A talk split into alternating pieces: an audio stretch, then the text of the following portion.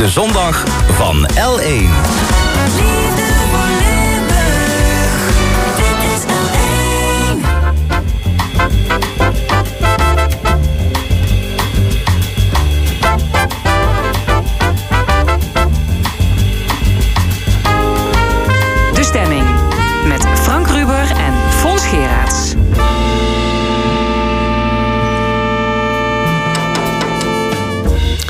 Welkom bij de stemming. We blikken zo meteen met drie personen terug op het bijna voorbije jaar. Over belangrijke en opmerkelijke gebeurtenissen in de provincie en daarbuiten. Over de beste boeken, albums en films van 2022. En de Limburger van het jaar wordt gekozen. En in het tweede uur een voorbeschouwing op de WK-finale van vanmiddag. En dat doen we met ex-profvoetballer Hans Erkens. Onze analist Bart Versparen presenteert zijn economisch jaaroverzicht... en het panel met Jacqueline Westhelle-Alen, Luc Wieners en Armand Leenaerts... discussieert over het vliegveld, slavernij-excuses en andere actuele zaken. Tot één uur is dit De Stemming. Is een goede traditie in de stemming dat we in de laatste uitzending van het jaar terugblikken en natuurlijk ook een beetje vooruitkijken. We hebben drie mensen uitgenodigd, die ga ik u nu voorstellen. Marianne Smitsmans, Burhenne, wethouder in Roermond, die is overigens nog in aantocht. Hugo Luiten, schrijver van thrillerboeken en Martijn Krins, en hij is cabaretier en acteur. Welkom. Martijn Krins, om met jou te beginnen. Hoe was 2022 voor jou persoonlijk? Um, heel net zo druk en spannend als leuk. Allemaal heel erg.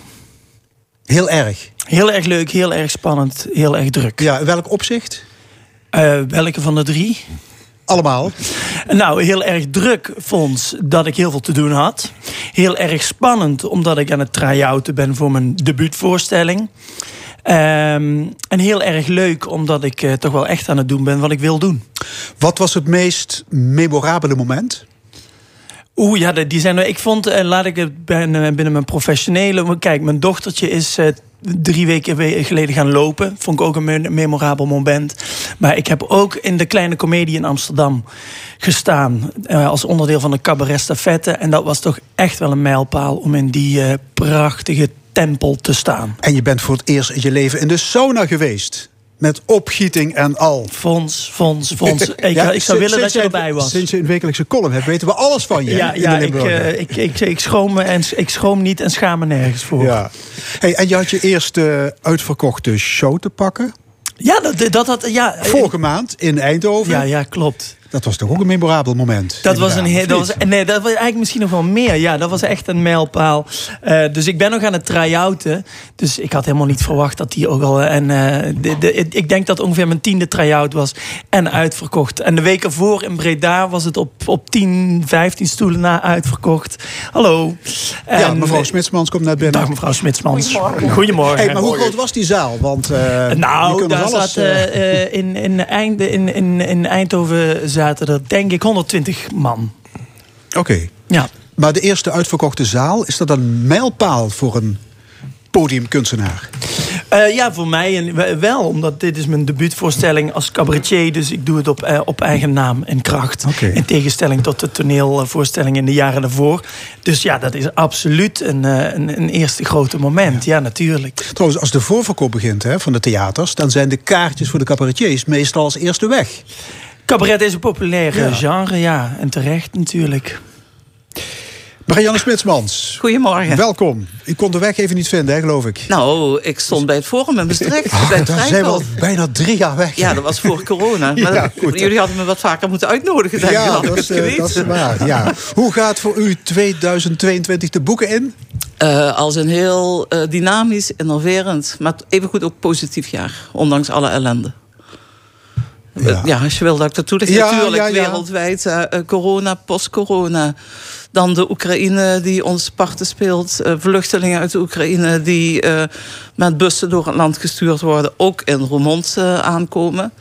Wat we heel hectisch hebben moeten oppakken, maar wel goed hebben kunnen organiseren. de energiecrisis achteraan, veel armoede in Roermond. Hebben we altijd al, sinds generaties. Nu nog meer.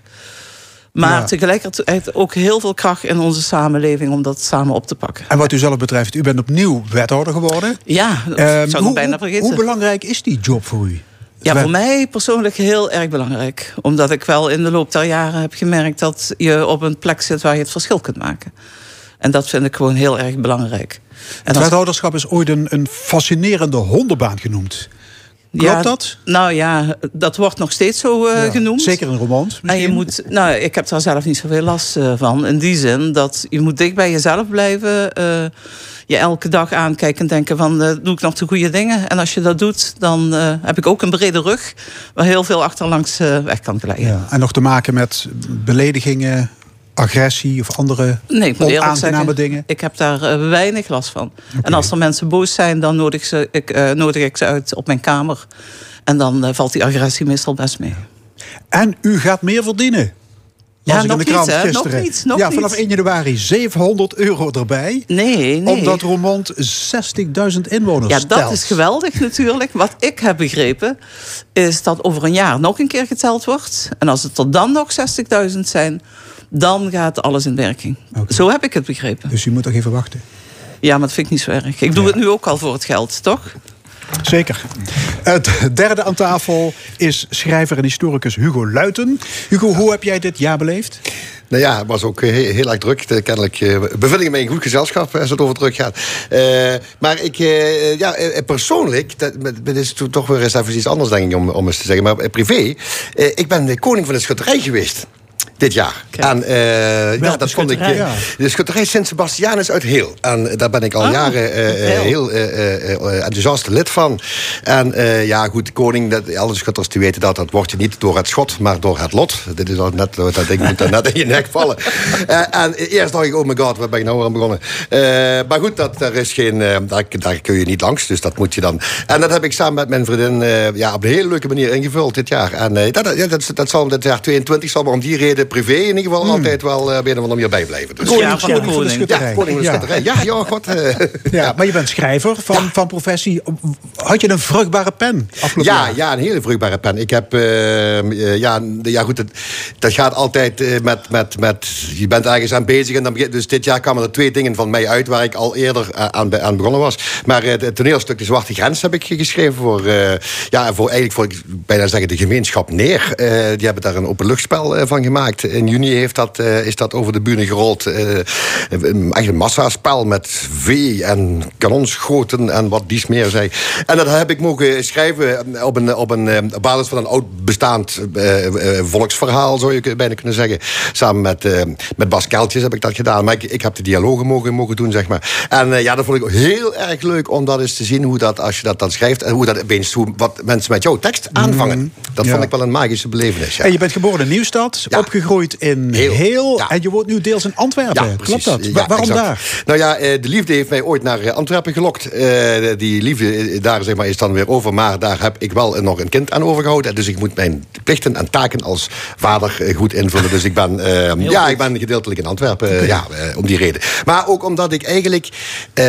ik kan het dorp niet missen en ik kan de stad niet missen. Dus ik ben de het best of two worlds. Hmm. Ik, ben graag, ik ben een stadsmens, maar ik ben ook wel graag weer in, het, in de beschermde omgeving van een dorp. Dus daar zit, ja... Daar, Ja, Martin Krins, geboren in Leverrooy. Martijn, Nu- hè, Martijn, sorry. Ja, dat komt door die achternaam, die, eh, die Krins. Maar het is Ja, Martijn, het, het is ook heel moeilijk ja. hoor, letters en zo. Maar toch, Nou, er is een verschil. goh. Frans. Opge- opgegroeid in Leverooy, pas op hè. Cabaretier aan tafel. Eh, ja, ja, ja. Ehm, nu in Amsterdam, hoe, Ja. hoe is dat?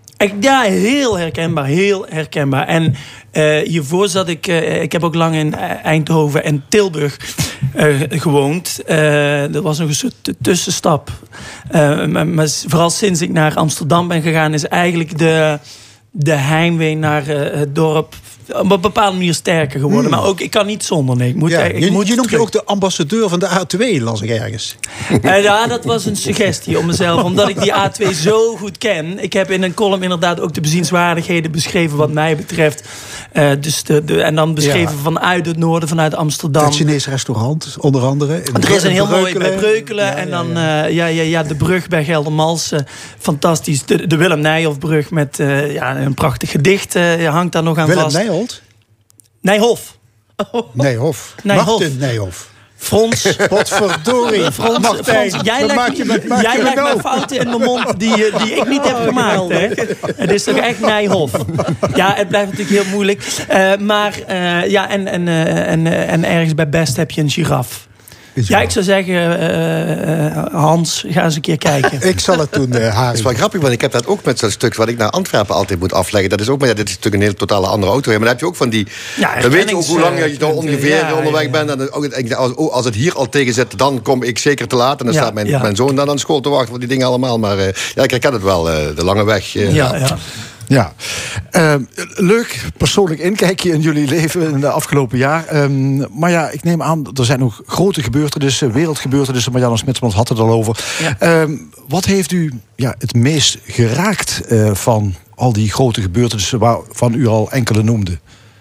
Ja, de, de oorlog in de Oekraïne natuurlijk. En al die vluchtelingen, mensen die echt uh, helemaal ja, ontheemd en verdwaasd uh, aankomen... en hun hele hebben en houden achter hebben moeten laten. Dat kunnen wij ons amper voorstellen wat dat is. Ik bedoel, we ontvangen ze en we horen hun verhalen. Maar uh, ik heb me afgelopen jaar wel vaak afgevraagd... hoe zou het nou zijn als je hier nu de boodschap krijgt... vertrek maar. Of uh, laten we vertrekken naar veilige orde. Om alles achter te laten. Je huis, je familie. Je, ja, ik woon al mijn hele leven in Roermond. Je stad, daar waar je geaard bent. Dat is zo verschrikkelijk. En uh, dat raakt mij dus voor die mensen. Maar het raakt me ook voor mijn kinderen en mijn kleinkinderen. Kijk, ik ben opgegroeid in de tijd... ik ken geen oorlog uh, van, van dichtbij. En hoe is het nu om op te moeten groeien met het besef dat zo dichtbij zoveel dreigingen zijn? Dat raakt mij wel heel erg, ja. Ja, het is een gewoon ordinaire landjepikoorlog waar Ja. we verdachten dat is eh, verleden. Dat hoort Ja. bij, bij een andere eeuw. Eh, Hugo Luiten, ja, jij bent historicus. Eh, wa- Was jij eh, verbaasd dat dit nog kon gebeuren in Europa in 2022, zoiets? Ja, eerlijk gezegd wel. Eh, ik, ik, ik volg dat soort dingen eh, wel altijd op de voeten, zeg maar, zoals het dan heet. Maar ik heb echt tot het allerlaatste moment gedacht... die, die, die Poetin die, die is aan bluffen. Die- Die gaat dat, die gaat dat, dat avontuur gaat die nooit beginnen. Want dat Oekraïne is toch gewoon een verschrikkelijk groot land. Vergeleken met Rusland is het natuurlijk maar een kleintje. Maar evengoed, ja, begin er maar eens aan, zeg Dus maar. groter dan Frankrijk. Ja, bijvoorbeeld. Ja. Hè, dus, dus ja, eh, ik zag het niet echt. en er waren toch al meteen de geluiden dat dat Russische leger niet helemaal... en dat blijkt ook dat het niet helemaal... dus ik denk, dat gaat hij nooit riskeren. Maar ja, kennelijk dus toch. En, dan zitten we inderdaad toch aan de, aan de grenzen van Europa... met, met, een, met een hele grote eh, vieze oorlog. Eh, en dat is toch wel... ik moest meteen bijvoorbeeld denken aan mijn, ja, mijn grootmoeder. Die is dus moeten... En mijn grootvader die, die- en mijn moeder toen ze heel klein was... zijn in de oorlog, de Tweede Wereldoorlog... zijn die ook moeten... ja, zijn die geëvacueerd, heette Ja. dat dan. En eh eh dat was dan maar een paar kilometer verderop... naar het bevrijd gebied, zeg maar. En maar... ehm, ja, ook het idee dat je dan daar bent en je, en je hoort dan in de verte de, de kanonnen en alles. En dus ze zijn daar om dat dorp, eh, waar dat als Nieuwstad, zijn ze dan aan het vechten. En je weet ook niet wat je dan terug eh, vindt. Hè? Dus dat half huis was een puin geschoten. Toen die, heb ik was aan mijn grootmoeder gevraagd van... Goh, hoe hebben jullie dat dan na de oorlog gedaan? Was daar, eh, was daar een verzekering? Dan keek ze me echt aan. Verzekering? Ja, die moest maar gewoon zien dat dat ding weer op een of andere manier... met stukjes een beetje in elkaar gelapt Ja, eh, werd. ja. En ja, dat, is, dat staat... Terwijl het toch maar eh, ja, eh, eh, anderhalf, twee generaties geleden is... eh, ligt dat toch nog heel erg dichtbij. In ieder geval voor mij wel. eh. Ja. Ja, ja, dan zal geen enkele verzekering denk ik dekken wat er nu in Oekraïne Nee, gebeurt. nee, Mijn, mijn, als ik dat mag aanvullen. Ik ben met mijn vader naar Friesland geweest. Die was daar geëvacueerd. Mijn vader is van 1935, dus die was nog een jongetje. Die is met mijn oma te voet naar Brugge gelopen... en van daaruit toen naar eh, Friesland geëvacueerd. En ik ben daar met hem gaan kijken... en er kwamen allerlei verhalen los. Ik moet zeggen, hij had best positieve herinneringen aan die evacuatie.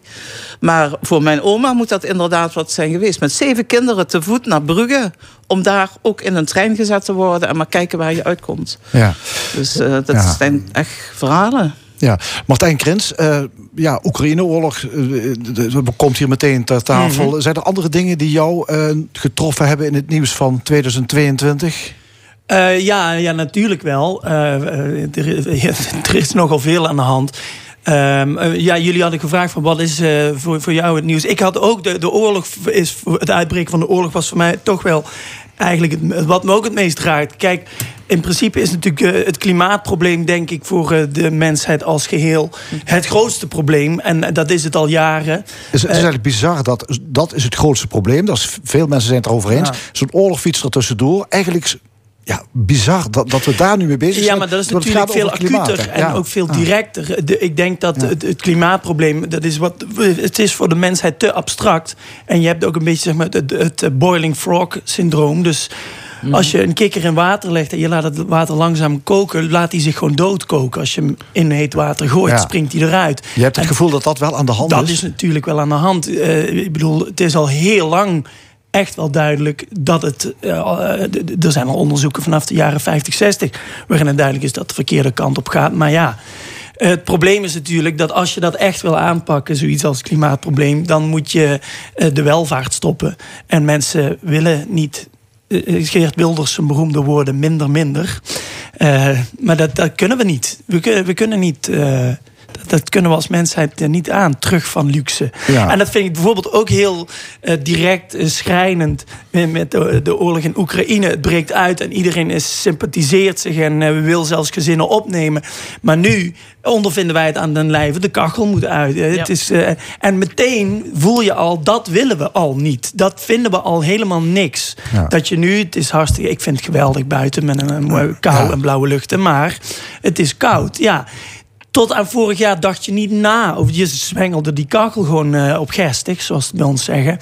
En, eh, eh, eh, en het maakt niet uit. En nu denk je er gewoon over. Je, we moeten er al over nadenken. Dat is voor het eerst in mijn leven. Klopt. Denk ik erover na, zet ik die kachel wel of niet aan? Of ik doe het straks al of minder.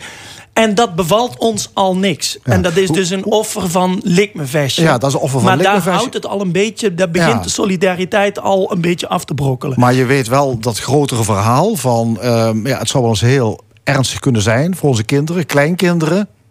Ja, Ja, het is eh, bizar, maar eh, als iets positief kan zijn aan die oorlog, dan is het wel de bewustwording dat we anders met energie moeten omgaan.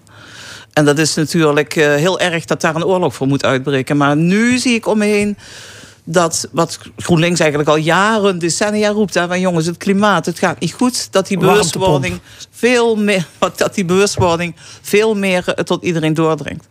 En dat consumeren, dat we minder moeten, eh, moeten kopen, dat we minder uit China moeten halen.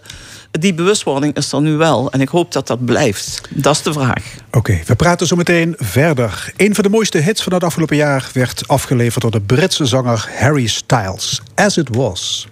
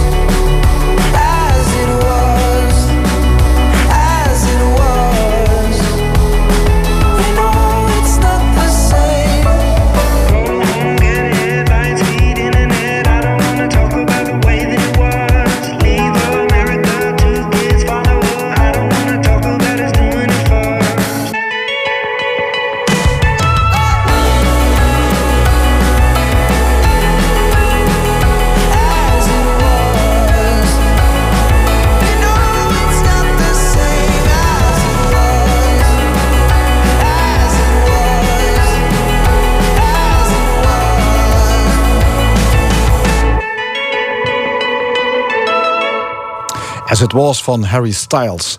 Bij ons aan tafel zitten dit uur wethouder Marianne Smitsmans van Roermond... cabaretier Martijn Krins en schrijver Hugo Luiten. Het is onze laatste uitzending van de stemming dit jaar, dus blikken we terug. Martijn Krins, eh, ik zei al, je komt van origine uit Leverrooy. Ja. Ehm, was je al, al als jong manneke aan het grappen en grollen? Eh, ja. Ja, dat denk ik wel, ja.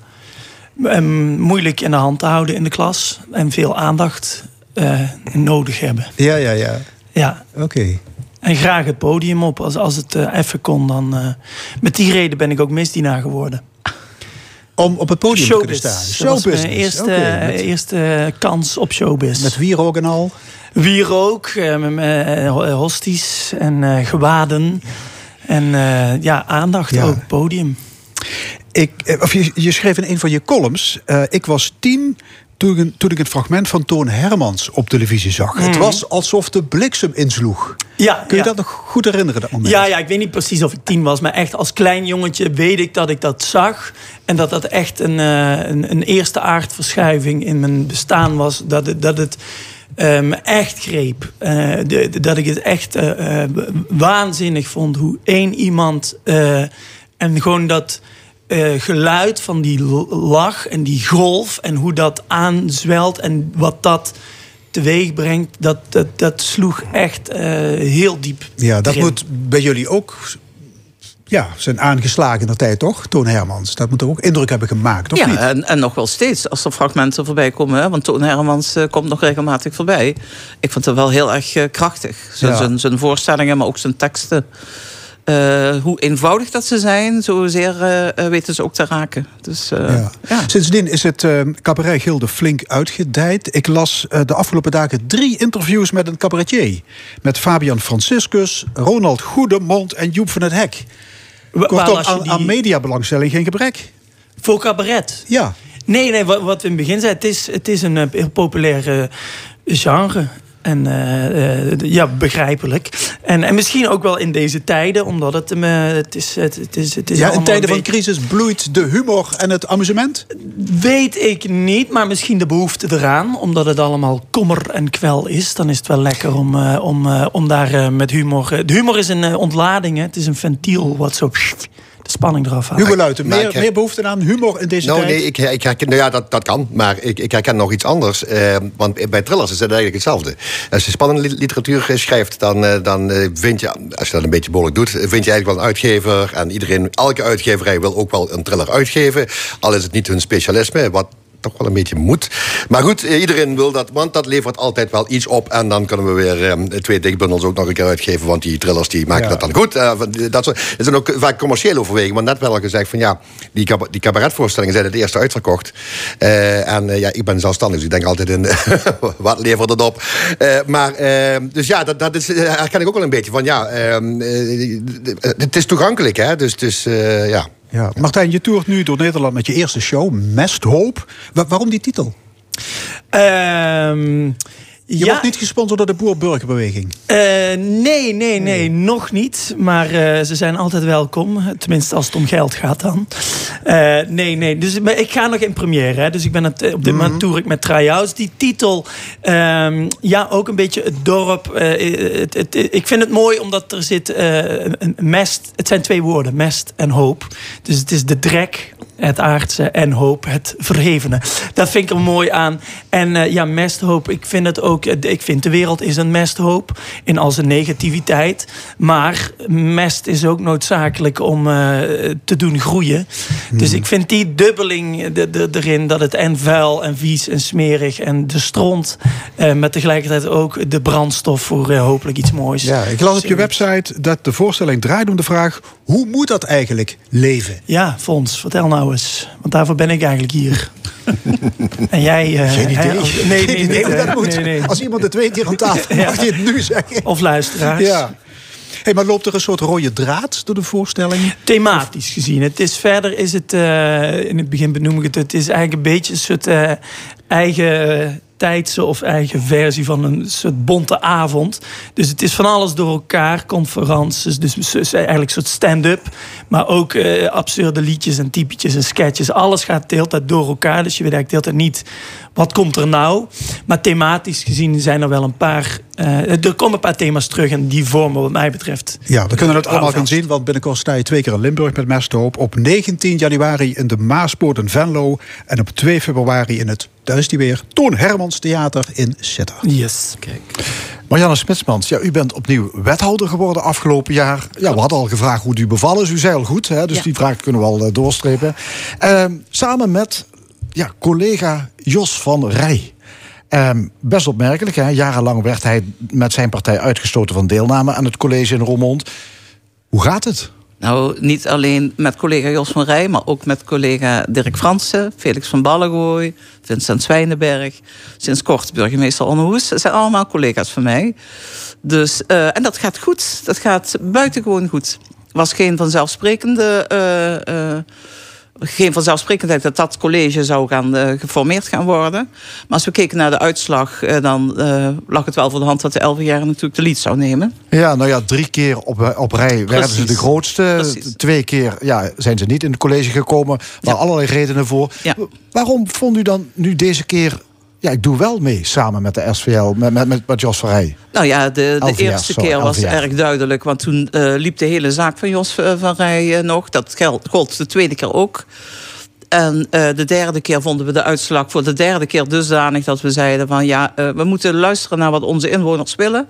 En als ze jarenlang achter elkaar zo deze uitspraak doen, dan is dat ook wat het is. Hè? En toen zijn we ons gaan beraden binnen de fractie van GroenLinks. Wat willen wij? En uiteindelijk, eh, voor mij was een voorwaarde... ik doe mee als wethouder alleen als de fractie unaniem is. Ja. Maar Want had ook kunnen zeggen, gezien die hele historie... de veroordeling van Jos van Rij... ik doe gewoon niet mee. Bekijk het maar. Staatsrechtelijk gezien is er geen enkele belemmering om, eh, om daar nee tegen te zeggen. En de fractie heeft gezegd, wij gaan oordelen op basis van inhoud. En ik heb afgelopen jaren mijn stinkende best gedaan... om het sociaal domein in, eh in Roermond goed op de kaart te zetten. En eh, we vonden allemaal dat daar nog wel een tandje bij kan. En we vonden ook allemaal dat eh, ik daar de beste vrouw voor op die, eh, op die stoel was. Ja. Dus we hebben gekozen voor inhoud. En de, de formatie was zo dat we hebben kunnen inbrengen wat wij wilden. Stevig sociaal paragraaf en een stevige groene paragraaf. En dat hebben de collega's gehonoreerd. En jullie kunnen het een beetje met elkaar vinden. Er is heel veel Jos van humor. Rij en er wordt u? keihard gewerkt. Er is heel veel humor. En ook wel wat galge humor. Daar houden we van. En we hebben elkaar diep in de ogen gekeken en gezegd... we nemen geen blad voor de mond. Als we iets vinden, dan zeggen we dat tegen elkaar. Maar de bestuurscultuur Roermond staat niet goed aangeschreven. Eh, Ex-burgemeester Rianne Donders die zegt in het blad Binnenlands Bestuur... in enkele decennia is een cultuur ontstaan die is gericht op resultaat... op ondernemers, op geld en werkgelegenheid. Is dat een kordate samenvatting? Nou, ze vergeet het, eh, het een en ander. Eh, de cultuur die is gericht op resultaat, klopt. En dat is alleen maar fijn. Want kijk, wij zitten daar niet om o- onszelf eh, te zeggen hoe goed wat we zijn. We zitten daar voor de stad. En er moet resultaat geboekt worden. En, En daar dat, komt dat is, ondernemers, geld, werkgelegenheid. Ondernemers zijn, eh, zijn belangrijk in onze stad, hè, met zoveel MKB. Geld is altijd belangrijk, helaas. Daar zou, daar zou ik wel een omslag in willen zien. Ja, dat maar we u dat wat begrijpt minder wat zij daarmee bedoelt. Hè? Dat er makkelijk een ons bijvoorbeeld- ons cultuur, een netwerk kan ontstaan. Nou, zij eh, vergeet daarbij het sociaal domein eh, te benoemen. Zij vergeet de kracht van onze samenleving te, be- te benoemen.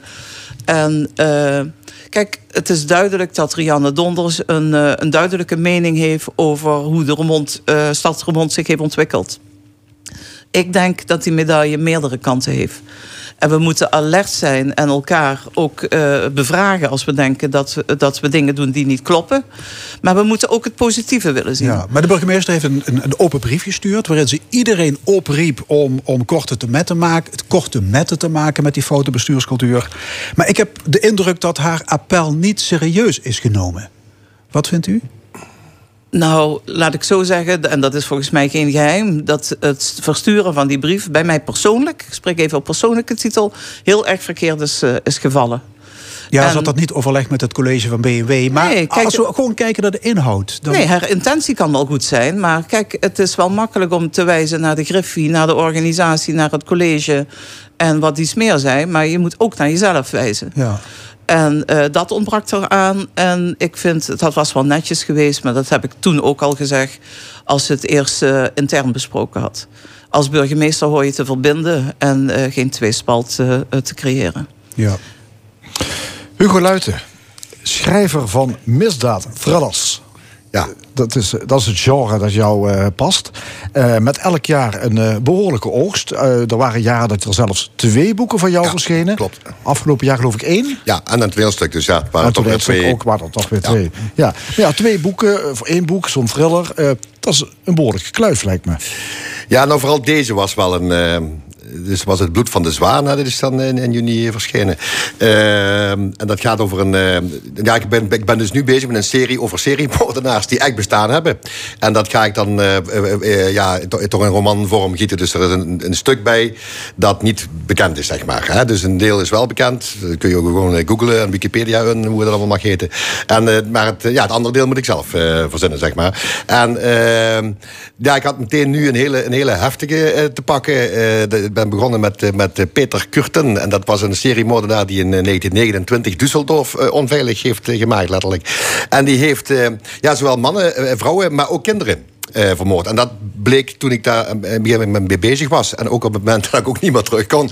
eh, dat bleek dat wel heel erg heftig te zijn. Maar ik ben natuurlijk zelf vader. En dan, en dan ja, verdomme dan niet.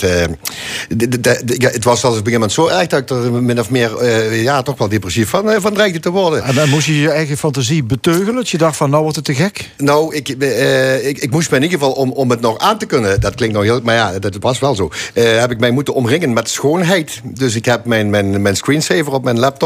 Daar heb ik... eh, Nou, in mijn geval was dat middeleeuwse kunst... Die ik heel erg, eh, waar ik heel erg, eh, ja, ik heel erg mooi vind. En dat ik elke keer als ik van een tabblad wissel... dat ik heel even, heel even weer... eh, dat er toch nog iets moois op deze wereld is. Eh, maar, want ja, het was echt gewoon vies, gauw, vettig, smerig... en wat iets meer zei. Eh, en ja, en dan, en, wat doe je dan met het stuk dat, dat, dat, wat is dan van mijzelf? Want de geschiedenis, dat ligt dan zo'n beetje min of meer vast. Ehm, ja, ik heb in het hoofd van de seriemoordenaar heb ik, ben ik proberen te kruipen. Dat is me vrij aardig gelukt, denk ik. En, maar ja, dan moet je zelf... Wat heeft zo'n man bewogen? Ik Ja. weet het ook niet. Ja, Dan moet je zorgen dat er een page-turner komt. ja dat, maar dat zijn gewoon de klassieke trucken. Daar zijn, dat kun je leren. Oh ja? dat is, eh, daar is niks geheimzinnigs en mysterieus aan. Dat is gewoon leren en studeren en eh, oefenen. Wat, en, wat, eh, wat is, geef eens één truc. Nou, elk boek, elke, nou, dat geldt voor elke roman, niet eens voor, alleen voor thrillers. Maar elk boek, elke film, elke serie, alles is altijd in vier, eh, kun je dit in vier delen verdelen. En dan 25, 50, 75 en 90 procent. Moet er iets gebeuren, en dat gaat op bladzijde precies... moet er iets gebeuren wat eh, van eh, wezenlijk belang is voor de hoofdfiguur. Het is bijna wiskunde. Dat is echt wiskunde. Ja, dat is Ja. gewoon rekenen. Ik heb ook Ja. eh, een aantal woorden, een aantal aan bladzijden heb ik allemaal. En dat, en dat klopt. Het klopt Ja. gewoon. Ik heb eens een, eh, ik heb eens een reportage gezien op de Vlaamse televisie. Ehm, dat speelde in een café in Antwerpen. Daar kwam de verslaggever binnen. Daar zat jij aan de bar. Ik Ja. aan, het was niet toevallig. Nee. En jij zat daar midden in de nacht. Ja. Op je telefoon Ja. zat jij te tikken. Ja. Eh, terwijl er nog eh, een paar ehm, figuren rondliepen die volgens mij eh, al tamelijk beneveld waren. En op dat tijdstip zit jij een boek te tikken op je telefoon. Dat was wel een, eh, moet ik eerlijk bekennen, maar eh, het was, het was een fase. Het was toch een begin van mijn eh, schrijverschap.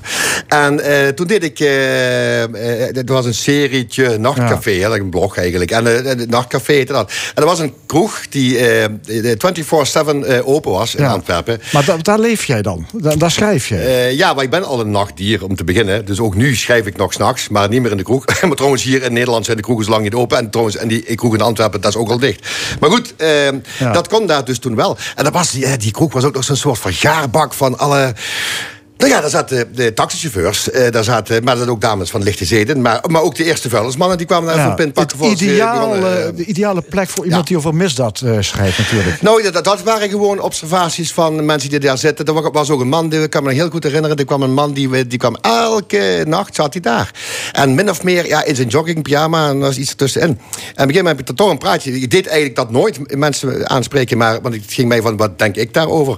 En, eh, maar toen heb ik dan op een gegeven moment toch een praatje aangenomen. Wat bleek nou? Hij zei van, ja, eh, mijn vrouw is, is een paar jaar geleden gestorven... en ik kan niet in dat bed slapen. Dat gaat niet. Dus ik moet s'nachts, ik ben- dat- dan kom ik hier maar zitten aan de bar en aan de overkant van de straat. En dan, dan vond ik zo'n mooi verhaal eigenlijk toch wel weer. Eh, of een triestief verhaal natuurlijk. Dus eh, ja, dat soort dingen schreef ik dan eigenlijk allemaal. Dus echt misdaad zat er niet in. Wat het wel is natuurlijk dat de pen scherp blijft. Dat is wel heel belangrijk van het schrijven dat de pen scherp blijft. Ja, Trouwens, Hugo, je wordt columnist Ja. van de stemming. ja, ja In het nieuwe jaar hè, sta je hier regelmatig op de zeepkist. Heb je er zin in? Ja, heel veel zin. Ja, ja, je, je- wat dat betreft een leeuw ontketent. Een een oude leeuw, dat wel. Maar niettemin een leeuw. Eh, ja, En wat kunnen we van jou verwachten? Wat voor soort columns ga je maken? Dat weet ik eerlijk gezegd nog niet. Nee. ik weet niet, ja. Ik, ik, ik, ik heb heel veel verschillende interesses. En, eh, maar ik denk wel wat zeker dat ik er eh, af en toe een Belgisch linkje in gooi. Omdat ik natuurlijk al voor tijd in België zit. En dat kun je ook wel heel mooi vergelijken. Limburgers denken bijvoorbeeld altijd dat ze een beetje Belg... of, of op zijn minst heel erg veel op Belgen lijken. Maar niets is minder waar, moet ik iedereen zeggen.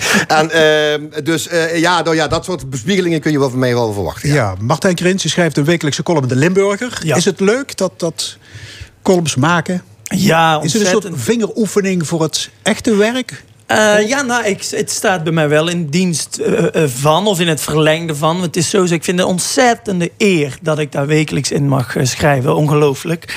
Ehm, maar ehm, ja, ik heb de- drie jaar geleden een beetje de beslissing gemaakt om alles af te zeggen en me volledig op cabaret te richten en stand-up. Ehm, dus ik doe ook echt niks anders meer. En wat ik daarnaast doe, moet altijd eh, in het verlengde liggen. Dus die columns zijn vaak. Ik doe ook soms wel eens eh, een stukje stand-up, of laten we zeggen een conferentie. Die oefen ik soms stiekem een beetje in de Limburger qua onderwerp. Eh, als ik iets zie wat ik grappig vind, dan ga ik er een column over maken. En dan heb ik al een eerste versie uitgeprobeerd op papier. En die neem ik dan later wel eens mee op het podium. Dus er zijn dingen die lezers kunnen herkennen in mijn Ja. show. Wie weet. Hugo, je debuut eh, als columnist hier in de stemming zal plaatsvinden in onze eerstvolgende uitzending. Dat is op 15 januari. Ja. Ja, en eh, overigens volgende week zijn we er niet. Eh, dit is de laatste uitzending van de stemming, daarom kijken we ook terug. Volgende week dan is het namelijk eh, kerstmis. Ja, u zult het weten, ook Mary Chapin Carpenter. Bells are ringing.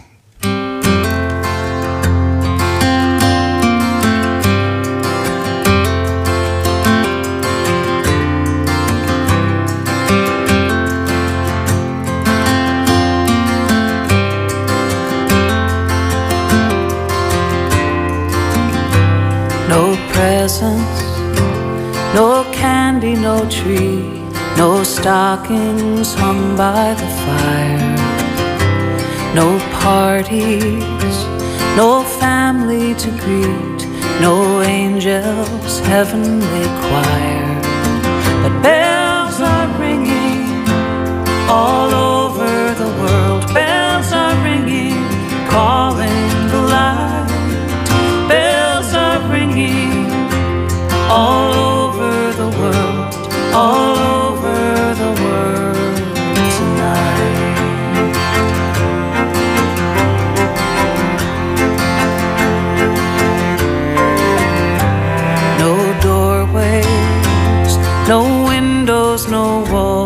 no shelter here on the ground. No standing, no safe place to fall, just the promise of this distant sound.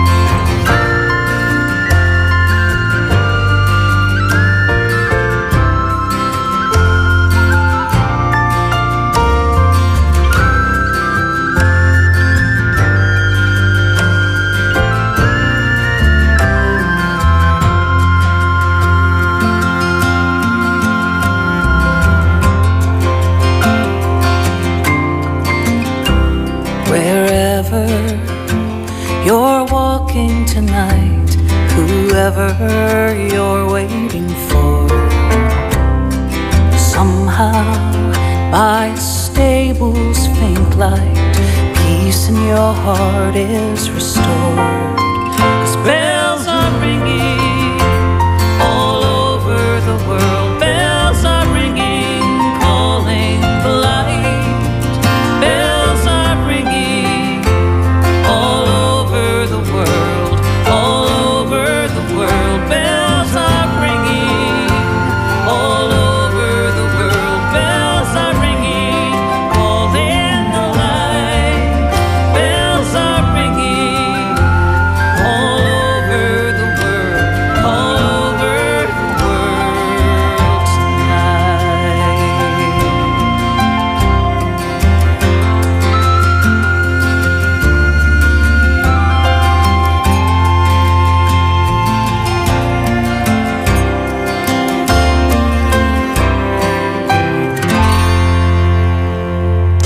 Mary Chapin Carpenter, Bells Are Ringing. En in deze laatste uitzending van de stemming van dit jaar... blikken we terug op 2022. En dat doen we met wethouder Marianne Smitsmans van GroenLinks, Roermond... cabaretier Martijn Krins en schrijver Hugo Luiten. Ja, het jaar loopt ten einde. Er worden altijd weer de nodige lijstjes opgemaakt. Eh, de top 10 van dit en de top 10 van dat. Onze vraag, wat waren de beste boeken... die jullie de voorbije twaalf maanden hebben gelezen? Ik begin bij de schrijver van het gezelschap, Hugo Luiten. Nou ja, eh, de beste boeken, dat vind ik altijd zo... Ik, ik- ik kijk ook nooit wanneer zo'n boek dan uitgekomen is of zo. Ik, ik, ik koop een boek en dan, eh, nou ja, dan ben ik erin. En dan, dus ik heb echt moeten zoeken, heb ik nou iets, heb ik nou iets gelezen dit jaar... wat dit jaar eh, ook echt verschenen Oh, is, dat, zeg maar. hoeft, dat hoeft niet per se. Nee, akkoord. eh, daar heb ik nog naar ge- gezocht. Maar toen zei ja, goh, brrr, ik lees dan heel veel van die obscure dingen... waar dat, die dan toch hier niemand kent. En, en, en, nou ja. Maar daar heb ik, daar heb ik gedacht, ik heb er twee... Eh, nou, een van een dorpsgenoot van mij, die man is wel al 70 jaar dood. Dat is, dat is Pater Jacques Schreurs, het dagboek van een herdershond. Ik heb het boek overigens nooit gelezen, schijnt dood saai te zijn. Maar eh, er is wel natuurlijk in de tijd een beroemde tv-serie en nu weer opgewarmd als musical. En dat vind ik dan toch voor zo'n Pater eh, eh, Chroniek Ener Parochie, zo heet de roman-trilogie. Dat, dat, ja, dat, dat, dat, hij dat, dat hij dat nog zo lang na zijn dood, dat, dat dat verhaal kennelijk toch zo blijft plakken. Dat je daar nog een musical eh, uit, uit weet. Ik hou helemaal niet van musicals. Dus ik, ga ook geen recla- reclame zitten te maken of zo. Ik zal ook niet naartoe gaan. eh, eh, maar, maar een aantal van die verhalen die hij daarin verwerkt heeft... want dat waren eigenlijk zo'n soort herinneringen ook van hem... die komen uit heel. En dat vind ik dan wel, wel heel erg grappig. Dat daar dingen, dus volksverhalen, sages, legendes... dat hij dat erin verwerkt heeft. En ja, dat vond ik een heel bijzonder... toch wel, ja, bijzonder dat iemand dat postuum... zonder dat hij daar ooit bij stilgestaan heeft... dat dat zou kunnen gebeuren. Volgens mij wist goede man niet eens wat een musical was. Oké, ik ga naar Marianne Smitsmans. Is er tijd eh, voor goede boeken? Naast het lezen van ambtelijke stukken en rapporten en Ja. nota's? Daar doe ik een poging eh, toe, want ik ben een echte lezer. Maar ik moet wel toegeven, sinds ik wethouder ben... dat het eh, inderdaad heel veel stukken zijn en steeds minder boeken. Maar ik heb een hele stapel liggen die ik nog ga lezen. Ja, maar welke Ik titels kun je op- ons aanbevelen? Ja, op dit moment ben ik bezig. Ik hou van boeken waar observaties in staan... of die een beetje een psychologische eh, eh, toon hebben. En op dit moment ben ik bezig met het boek... wat volgens mij wel afgelopen jaar is uitgekomen van Frans de Waal. Ik ben eh, fan van Frans de Waal. Dat is een eh, bioloog en die heeft heel veel primaten bestudeerd. En ook in dit boek, het boek heet Anders... zoomt hij in op de gender en, en eh, genderidentiteit... eh, eh, zoals hij dat bij primaten dan constateert. Bij apen met name, toch? Bij apen. Ja. Mhm. Chimpansees, chimpansees en bonobo's heeft hij met name bestudeerd. Maar ook, ook eh, bavianen. En dan zie je dat sommige soorten bijvoorbeeld opgroeien zonder, zonder mannen in de omgeving. Of dat eh, homoseksualiteit eh, bestaat in sommige groepen. En in andere groepen ook wel niet. En hoe ze zich gedragen ten opzichte van elkaar. Ik vind dat zo fascinerend. En dat raakt natuurlijk de discussie van nurture or- nature. En eh, nou, Frans de Waal heeft daar een duidelijke kijk op. Maar er zijn natuurlijk ook andere wetenschappers die daar een andere kijk op hebben. Nou, ik laat me altijd voeden door alle, alle kanten, zou ik maar zeggen. Ja. Lees je ook fictie? Eh, ja, en ik permitteer me ook eh, af en toe om van die echte vrouwenromannen te, te lezen. Waar, eh, ja, nou ja, ik weet niet of het cabaret doet, cabaret te kort waarschijnlijk. Maar waar je inderdaad eh, reflectie krijgt op je eigen gedrag. Of het gedrag van vrouwen. Waar je wat geprikkeld wordt. eh, waar je denkt van, oh ja, wat erg, dat doe ik ook. Zo Ja, dat, nou wil ik toch een titel horen Ja. ook eigenlijk. Ja, dat, eh, nou, ik ben heel slecht in, in titels. Ehm, Dit is de kans om de vrouwen te promoten en dan... Ja, nou ja, dit boek het gaat over zeven vrouwen die op fietsvakantie gaan. En iedere vrouw... eh, Zadelpijn. ja, dat ik dat zadelpijn. Dank je wel. Ja, alsjeblieft. Dank je wel. Maar- Nou, de laatste keer dat ik, eh, dat, dat ik naar te hulp schiet. Maar wat goed dat jij het boek kent. Nee, ja, ik ken het, de titel. Ik heb niet Oh, gelezen, je moet het echt gaan lezen. Ik raad het echt, eh, jullie allemaal, dan leer je de vrouw kennen. Echt waar. Meer een Krins, over welke- oorlogsroman eigenlijk. Ja. Zeven vrouwen die samen... eh, Over welke boeken ben jij enthousiast? Ehm, heel veel, maar eh, veranderen methode van Edouard Louis. Die is, eh, heb ik gelezen. Ik zag toevallig, want ik wist het ook, maar is ook afgelopen jaar uitgekomen. Eh, vind ik echt een, een, een heel mooi boek. En het heeft me ook eh, persoonlijk wel geraakt. Het is een van de, de rising stars van eh, de internationale literatuur. Ehm, kort, het gaat. eh, eh, eh, het is een biografie. Hij beschrijft zijn, eh, eigenlijk zijn odyssee. zijn jeugd. Hij is opgegroeid in Noord-Frankrijk in een eh, eh, ja, heel eh, eh, armoedige eh, arbeiders ehm, eh, le- leefwereld. Ehm, en heeft zich daaraan moeten ontworstelen, was homoseksueel, wat helemaal not done was eh, daar.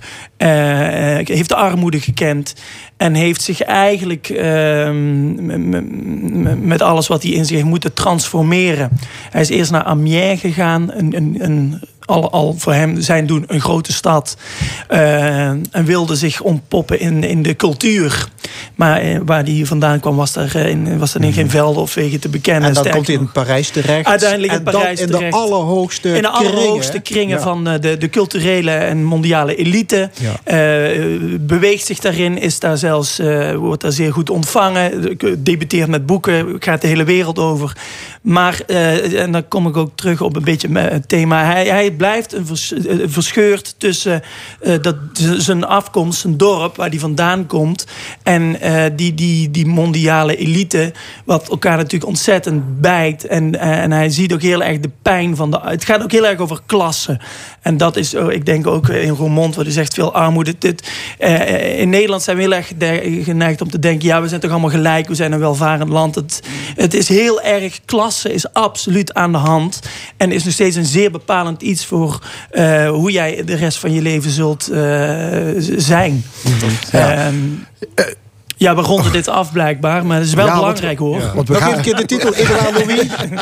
Veranderen methode van Edouard Louis. Ja, want we gaan naar het hoogtepunt van, eh, van de stemming eh, van eh, afgelopen jaar. Eh, wij zoeken namelijk altijd in die laatste uitzending naar de Limburger van het jaar. Ehm ja, tromgeroffel is er niet, Hugo Luiten, maar je mag hem wel inkoppen. Wie is voor jou de Nou, Limburger van het jaar? Dat was de vraag waar ik toch het allermeeste moeite mee heb. Ik heb geen, eh, geen helden. eh, en idolen, dat heb ik nooit gehad. En dat klinkt misschien heel aanmatigend. Dat zou zomaar kunnen. Dat mag, jullie, mogen jullie ook vinden trouwens.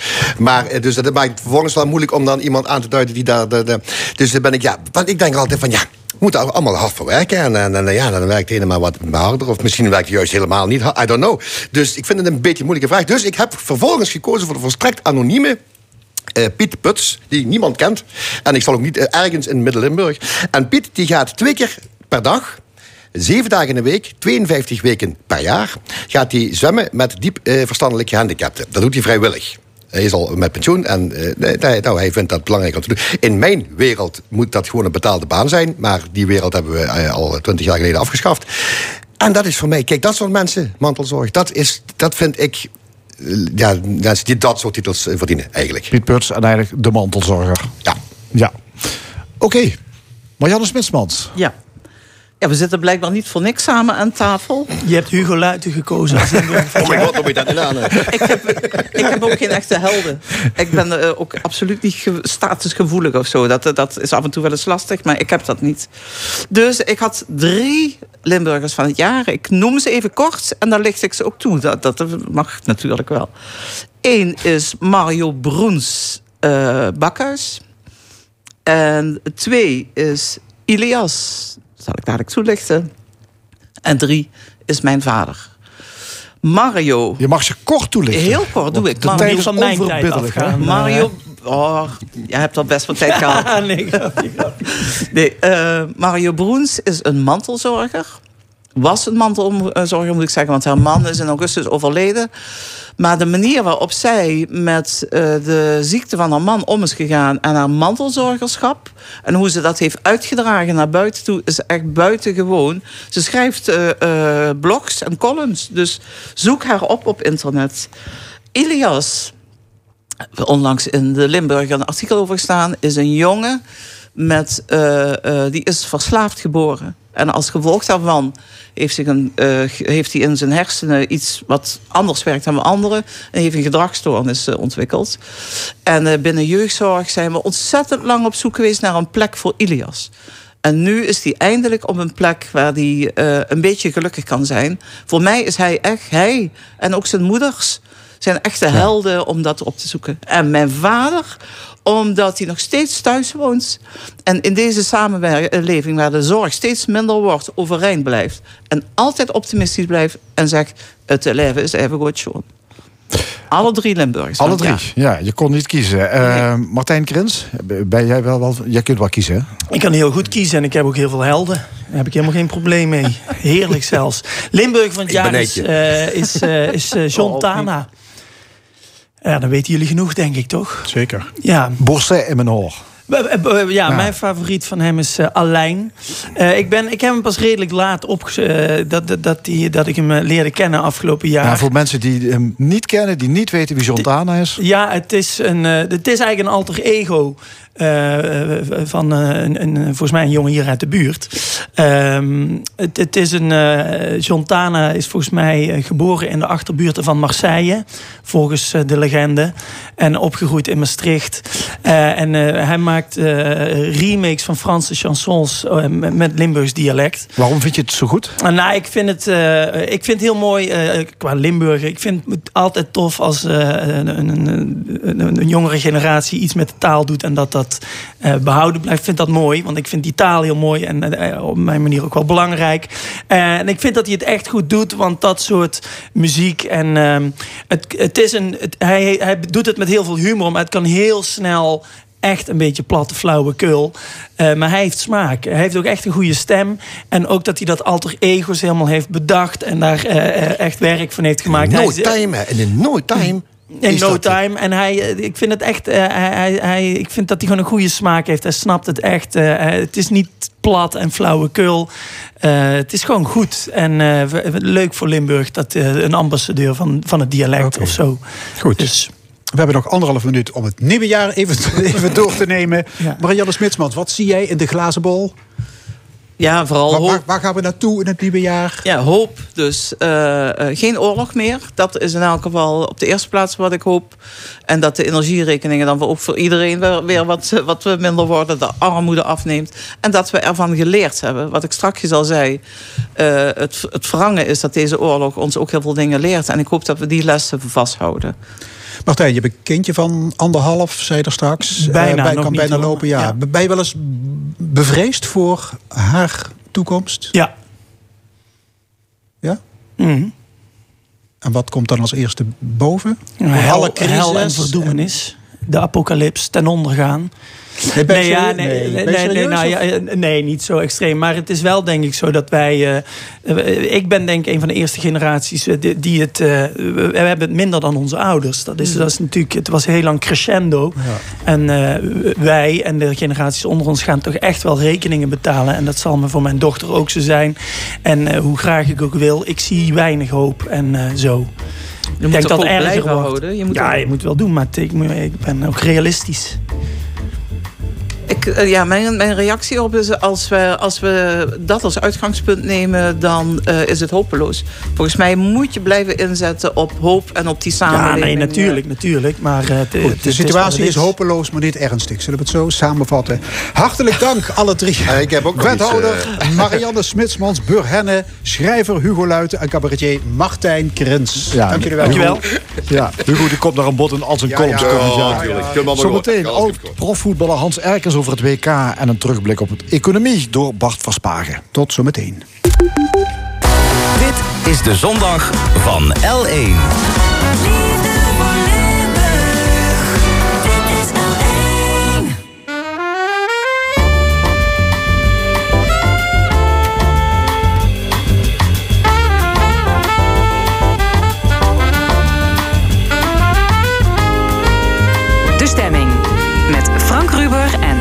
Fons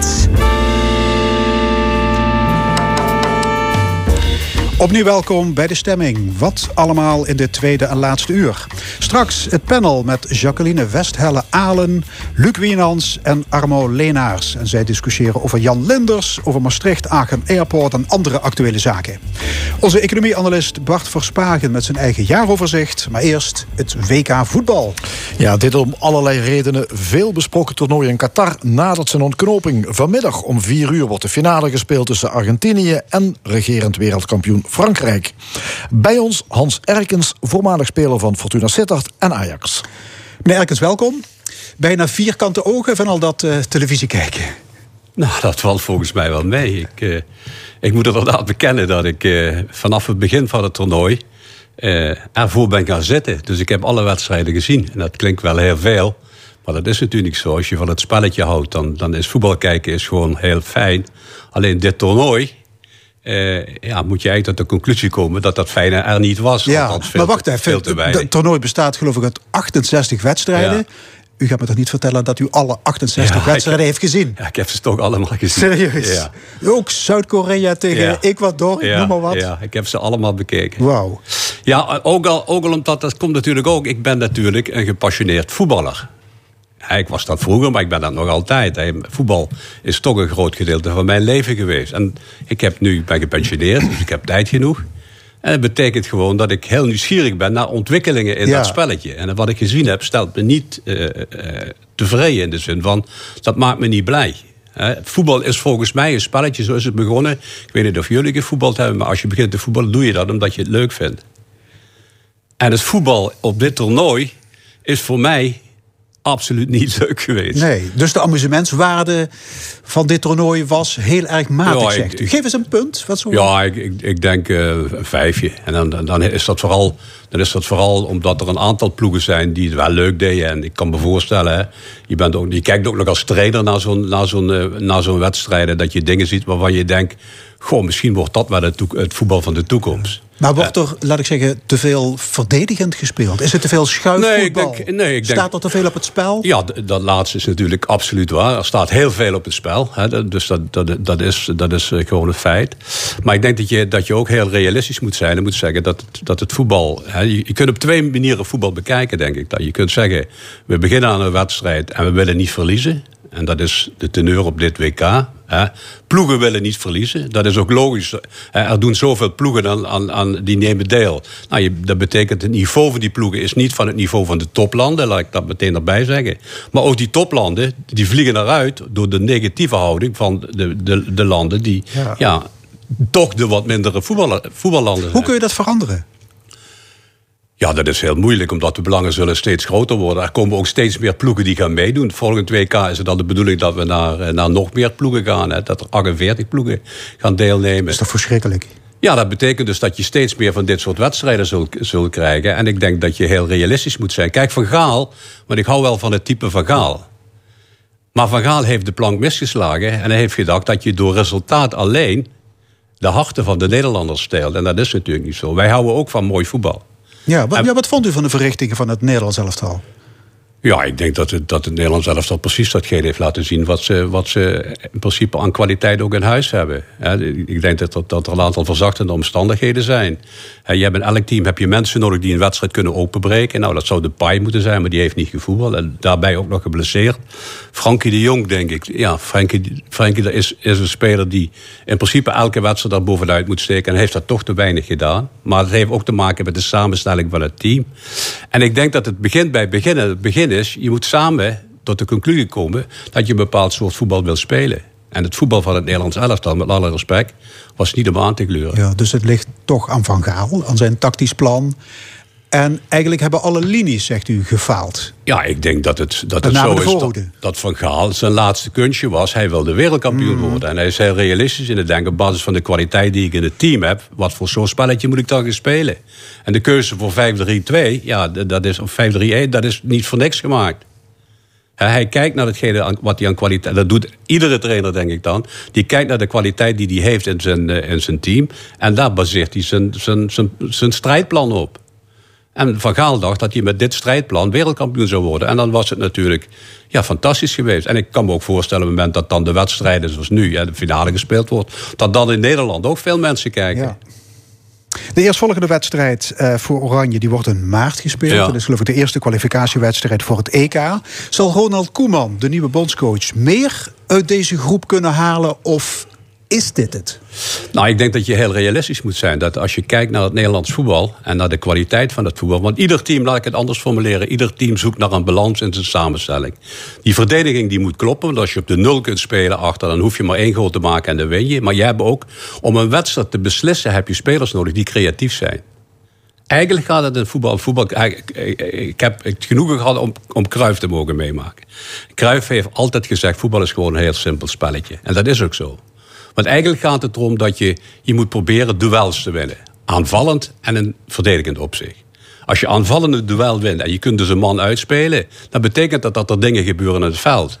En als je dan je bal verspeelt, want hij, hij, hij kruist hij altijd, de, de kunst is om ervoor te zorgen dat je één goal meer maakt als de tegenstander. Dat zegt al alles. Ja. Want als je één goal meer maakt dan de tegenstander, dan ga je ervan uit dat je gaat om dat po- potje te winnen. En dat is wat wij Ja. met z'n allen willen zien. Ja. We willen strijd zien, we willen passie zien. Ehm, ja, dit WK zal altijd verbonden blijven aan de duizenden arbeidsmigranten. Die zijn Ja. omgekomen bij de bouw van, van de stadions. Ja, Qatar heeft sowieso niks op met de rechten van de mens. Dit is niet voor herhaling vatbaar. Ja, dat, Dat weet- zo'n ik, land ik denk dat het je, WK organiseert. Ik denk dat je, daar kun je op verschillende manieren naar kijken. Ik denk dat het, dat het zo is dat je over een jaar of tien nog eens moet kijken naar de impact van datgene wat in Qatar heeft plaatsgevonden op de lokale omstandigheden. Ik denk dat wij ook realistisch moeten zijn. Wij zijn ook niet in één jaar of, een- of in tien jaar het land geworden wat we nu zijn. Ik bedoel, dat, daar gaat een bepaalde ontwikkeling aan vooraf, denk ik dan. En ja, als je aan de voorkant naar kijkt, maar dat was ook in die periode dat, dat we in Argentinië gespeeld hebben. hè, De finale hè, was Nederland-Argentinië destijds. En met de bal van Rensenbrink op de paal. Ja, dat was ook bloed aan de paal. Du- Dus ik vind dat wel een beetje vergelijkbaar. En Ik denk dat je, dat je voorzichtig moet zijn om te zeggen dat de omstandigheden zoals die bij ons zijn, dat dat normaal is voor de, voor de wereld. Ik denk dat in Qatar een ontwikkeling in, in gang is gezet die niet meer is te stoppen. Maar of dat Welke ontwikkeling bedoelt u dan? nou ja, dat, dat, er is natuurlijk toch aandacht gevraagd voor de omstandigheden van de mensen die zijn omgekomen. Er worden nu nog lopen acties. Kijk naar hetgene wat het Nederlands elftal is aan doen. En het is te weinig, hè, daar ben ik het heel snel mee eens. Maar de opbrengst van de shirtjes die ze verkocht hebben, ja, gaat naar de mensen die. Hè, een druppel op een gloeiende paard, ben ik het meteen mee eens. Maar aan de andere kant, heel veel kleine dingetjes kan ook leiden tot het gewenste resultaat, namelijk een sneeuwbal. Goed, terug naar het voetbal. U was middenvelder bij Fortuna. Ik was rechtsbuiten Eh, bij Fortuna. Ja, rechtsbuiten. Ja, Ja, ja. daarna drie jaar Ajax. Ja. Moet u nog vaak aan uw voetbalcarrière denken? Nee, Of ik wordt u er nog vaak aan herinnerd? Ja, dat, ik word er nog wel regelmatig aan herinnerd, zoals nu bijvoorbeeld. Ja. Maar, maar ik, ben niet, ik leef niet in het verleden. Ik, ik leef in de toekomst. Ik bedoel, ik, ik, ik, ik, ik zie nog heel veel tijd voor me waar heel veel leuke dingen gaan gebeuren. Ja, u bent nu 70. ben en uw nu carrière is 70. ook al Ik vijf- begin net. 45 jaar geleden, hè? Ja, zo mag je dat wel zeggen. Ja. Ja, ja, dat is natuurlijk zo. Nee, dus, dus ik verbaas me wel vaker erover dat het, hè, na al die perioden, want ja, jij zegt nu het jaar 45 jaar geleden, dat is natuurlijk zo. Maar dat dat nog altijd speelt, dat is op zich wel heel bijzonder, vind ik. Ja, twee weken geleden zat hier Huub Stevens aan tafel. Volgens mij heb ik jullie nog samen zien voetballen bij Fortuna. Huub was rechterverdediger en Ja. ik was rechtsbuiten. Ja, Ja. ja. Ja, Hij is Van trainer. dezelfde lichting, denk ik. Ja, hij is trainer geworden in Ja. het binnen- buitenland, Ja. bij PSV, Geweldige Schalke, carrière, noem ja. maar op, zeker. Maar die ambitie heeft u nooit gehad? Nou, ik denk, ik denk dat ik niet de ambitie heb gehad om echt trainer te worden op topniveau. Ik heb een oefenmeester 1, dus ik mag betaald voetbalassistent trainer spelen. Maar ik vond altijd de bestuurlijke organisatie vond ik veel, eh, veel mooier en veel belangrijker. Ik denk dat het heel mooi is om achter die tafel te zitten en te kijken hoe je de prestaties van hetgene waar het over gaat, van dat voetbal, hoe je dat beter kunt maken. Dat geldt op alle niveaus overigens. Dat, dat geldt niet alleen voor betaald voetbal, het geldt ook in het amateurvoetbal. Ik heb een aantal jaren in het amateurvoetbal rondgelopen en dat is me eigenlijk heel goed bevallen. Maar het mooiste vond ik toch de functies die ik heb gehad, onder andere directeur en eh, lid van de raad van bestuur van, eh, MVV. van, eh, van MVV, bij, bij Fortuna gezeten. Ja. Ik denk dat dat de dingen zijn die bij me passen. Ja, en die was een van de karttrekkers van de vorming van één Sporting Limburg. Ja. De fusie van MVV, Roda, eh, Fortuna. Ja. Ehm, ja, dat is uitgelopen op een fiasco, zal ik maar zeggen. Afzonderlijk doen ze het nu hartstikke goed. Ja, maar je moet het ook in de, je moet het ook eh, in de tijd zien. Dat is een momentopname. En de vraag is of het over tien jaar nog zo is. Ik denk dat je gewoon heel realistisch moet zijn. En moet kijken naar de marktomstandigheden. Nou ja, je zegt het zelf al. In Limburg wonen 1,1 miljoen mensen. Om, om, een, om een goed renderende betaald voetbalclub te hebben... heb je 750.000 mensen nodig. Dus, dus dan kun je uittellen wat dat betekent voor de samenstelling van een team. Dus als je mij zou vragen... geloof jij in het voorbestaan van de individuele clubs? Dan zeg ik, daar geloof ik niet in. Nee. Maar ik denk wel Maar zo'n fusieclub kan er verloop van tijd ook onderaan bungelen in de, in de eredivisie. of degraderen laten- naar de eerste laten we, niet te ver, laten we niet te ver uit de buurt gaan kijken. Laten we eens gaan kijken in België naar Racing Genk. Eh, Als je het hebt over twee ploegen die, die destijds... En, en kijk eens naar het succes van Genk. Ik bedoel, in, de afgelopen periode. Het is toch fantastisch om te zien. En ik denk dat Limburg en ik zeg niet dat het niet gaat gebeuren. Want het zou best kunnen zijn dat, dat de, de mensen die nu bij Fortuna aan het roer staan... dat die ervoor zorgen dat er, eh, dat er voldoende geldstroom... want daar gaat het toch altijd om, eh, aanwezig blijft om dat te realiseren. Maar ja, dat betekent dat die andere clubs daar last van gaan krijgen. Goed, straks om vier uur de WK-finale. Ja. Tussen Argentinië en Frankrijk. Messi tegen Mbappé. Wat wordt dat voor wedstrijd? Ik denk dat dat wel een leuke... Laat ik het anders formuleren. Ik hoop dat het een hele leuke wedstrijd wordt. Eh, ik hoop ook dat Argentinië wint, want ik gun het Messi. Want ik vind dat we ongelooflijk genoten hebben van de kunsten van die kleine man. Eh, maar de realiteit is denk ik dat Frankrijk uiteindelijk toch aan het langste eind Ja. gaat trekken. En dat komt ook omdat ze gewoon een beter elftal hebben als Argentinië.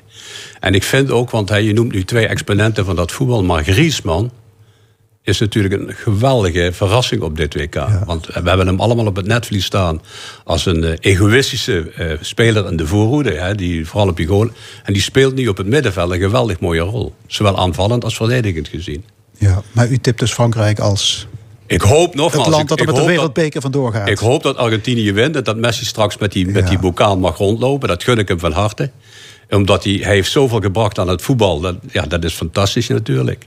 Maar ik ben bang dat Frankrijk toch aan het langste eind gaat trekken. Want zegt u, als Frankrijk alle registers eindelijk eens Ja, opentrekt... ja. dan sturen ze de Argentijnen het bos in. Ik denk het wel. Ja, ik denk het wel. En ik hoop dat we een hele mooie wedstrijd gaan zien. Ja. En u bent niet de enige die kijkt, maar hoeveel mensen? Ja, ik hoorde gisteren op televisie 1,5 miljard mensen die kijken naar deze finale. Dus dat zegt ook wel iets over de amusementswaarde natuurlijk. Van, van het spelletje op zich, maar ook ja, van deze finale. Ja, dus ondanks de middelmatigheid van dit toernooi... miljarden mensen over de Ja. hele wereld kijken Ja. naar, dit, Ja, naar deze potjes ja voetbal. geweldig toch? Hans Erkens, hartelijk dank. Graag gedaan. Ook aan tafel eh, Bart Verspagen, onze economie-analyst.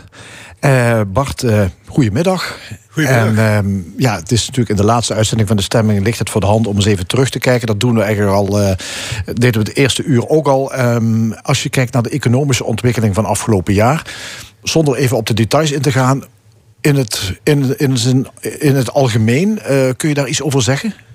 Nou, het, het was een heel interessant jaar, maar ook een heel ingewikkeld jaar. omdat we eigenlijk steeds heen en weer geslingerd werden tussen optimisme en pessimisme, positiviteit, negativiteit.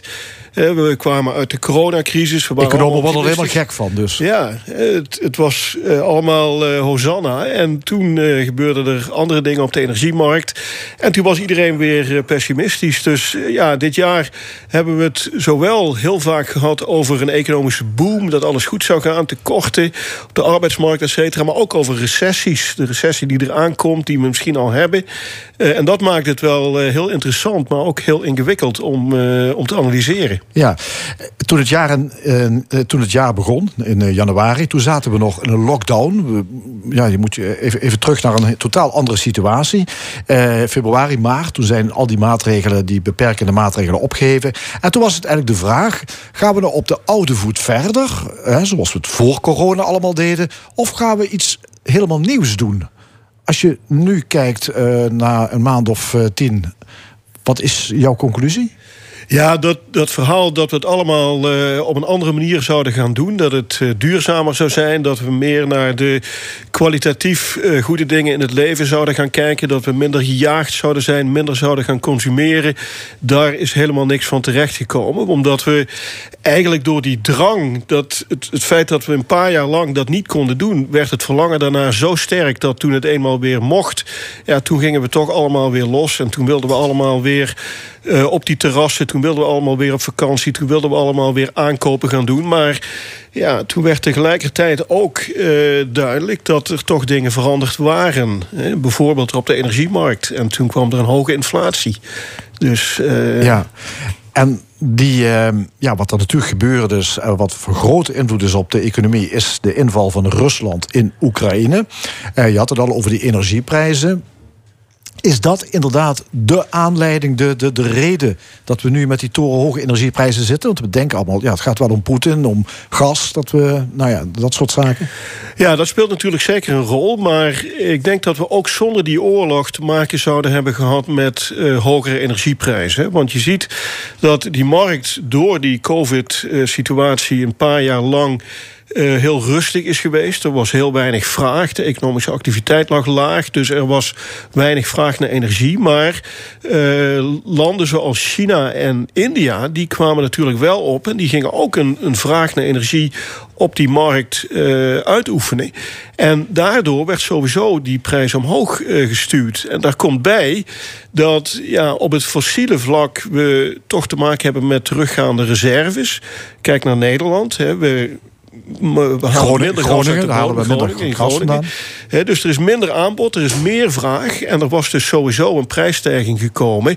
eh, die natuurlijk versterkt is door de situatie in eh, Oekraïne. Ja, en met wind en zon, daar redden we het voorlopig nog niet mee. Nee, dat is natuurlijk iets wat eh, ook boven de markt hangt. We willen naar duurzame energiebronnen, maar eh, ja, voorlopig eh, halen we het daar niet mee. Omdat ja, een groot deel van de auto's rijdt toch nog op benzine of op diesel. Eh, een heleboel andere manieren waarop we toch nog geen gebruik kunnen maken van die duurzame energiebronnen. Dat duurt echt nog wel even voor we daar op wereldschaal echt het, grote verschil van gaan merken. Ja, je zei al, voor economen is het ingewikkeld. Er is veel onzekerheid. Ja, het ging, eerst, eerst leek het heel goed te gaan met de economie.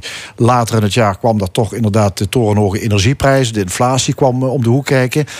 Hoe zie jij dat beleidsmakers hierop reageren? Is, dat ook een, is daar ook sprake van een soort paniek of eh, onwetendheid? Ja, er is toch wel, eh, toch wel sprake van paniekvoetbal, om nog maar even in dat thema te blijven. Want eh, je ziet dat ja, beleidsmakers zijn daar niet meer aan gewend.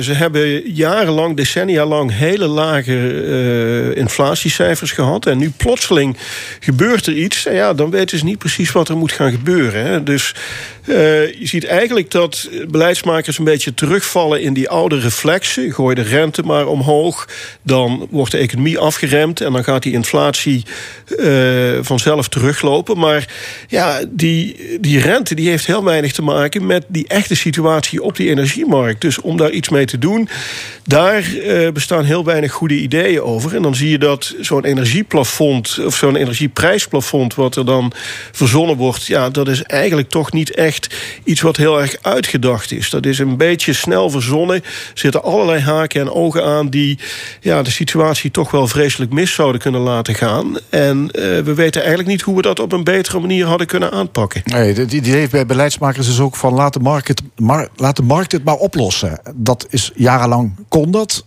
Dat is nu niet meer zo Nee, vanzelfsprekend. want nu blijkt plotseling dat die, die markt niet meer eh, dat resultaat oplevert wat je graag zou willen zien. En ja, dan zijn we een beetje verleerd met z'n allen om eh, die markt te kunnen reguleren. Eh, we weten niet meer goed hoe dat komt, omdat we daar jarenlang gewoon niet meer over nagedacht hebben. Ja, toch misschien als teruggrijpen op de oude handboeken economie.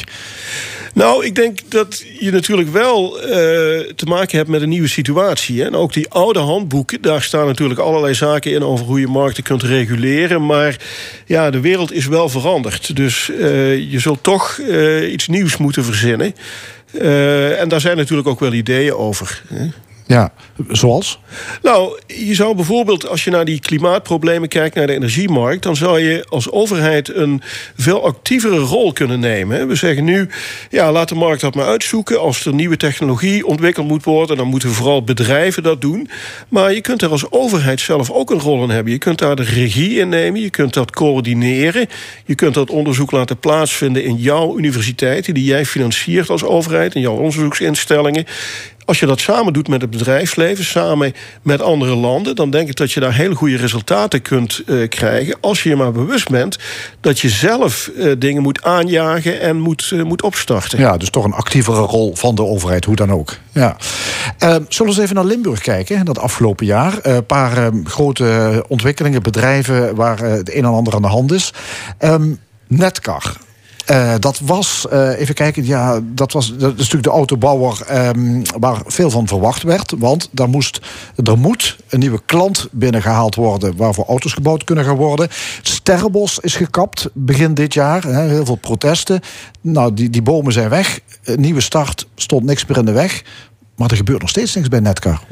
Ja, Netcar is, is eigenlijk, vind ik, een heel goed voorbeeld van die, die achtbaan van optimisme en pessimisme wat je door het jaar heen zag. Hè. Je zag in die, in die COVID-tijd inderdaad dat het bedrijf kwetsbaar was. Het zit in een, eh, in een waardeketen waar het een hele specifieke rol heeft. Het assembleren van auto's. Maar ja, de onderdelen die daarvoor nodig waren, die kon het op dat moment door die COVID-crisis niet meer krijgen. Eh, opdrachtgevers die haken af. Eh, maar het was wel een heel mooi bedrijf. En het leek eh, toen die COVID-crisis ten einde liep... dat er wel weer een nieuwe opdrachtgever zou komen. Elektrische auto's, de nieuwe trend. Dat bedrijf kan daar inspringen. Daarom gaan we aan de provincie vragen... of ze willen bijdragen aan die infrastructuur. Het bos wordt gekapt. Maar ja, dat bleek toch een beetje moeilijker. Dan zie je dat je, je hebt bovenaan gezeten in die achtbaan... dan ga je toch weer een beetje omlaag. En op dit moment is er nog steeds geen uitsluitsel... of die nieuwe opdrachtgever er nou wel of niet gaat komen. En misschien hebben we dat bos gewoon wel op eh, helemaal van niks gekapt. Ja. Het is ja.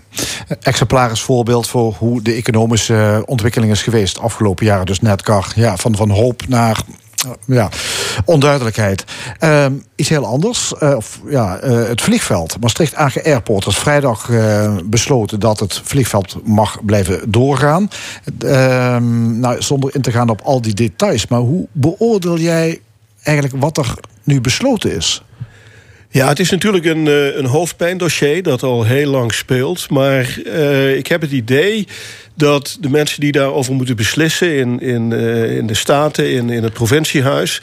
dat die toch ook diezelfde beleidsarmoede, die, die ideeënarmoede hebben... waar we het e- eerder over hadden. Ze, ze hebben toch een beetje een reflex van... ja, dat vliegveld moet ofwel behouden blijven... vanwege economische activiteiten, belang...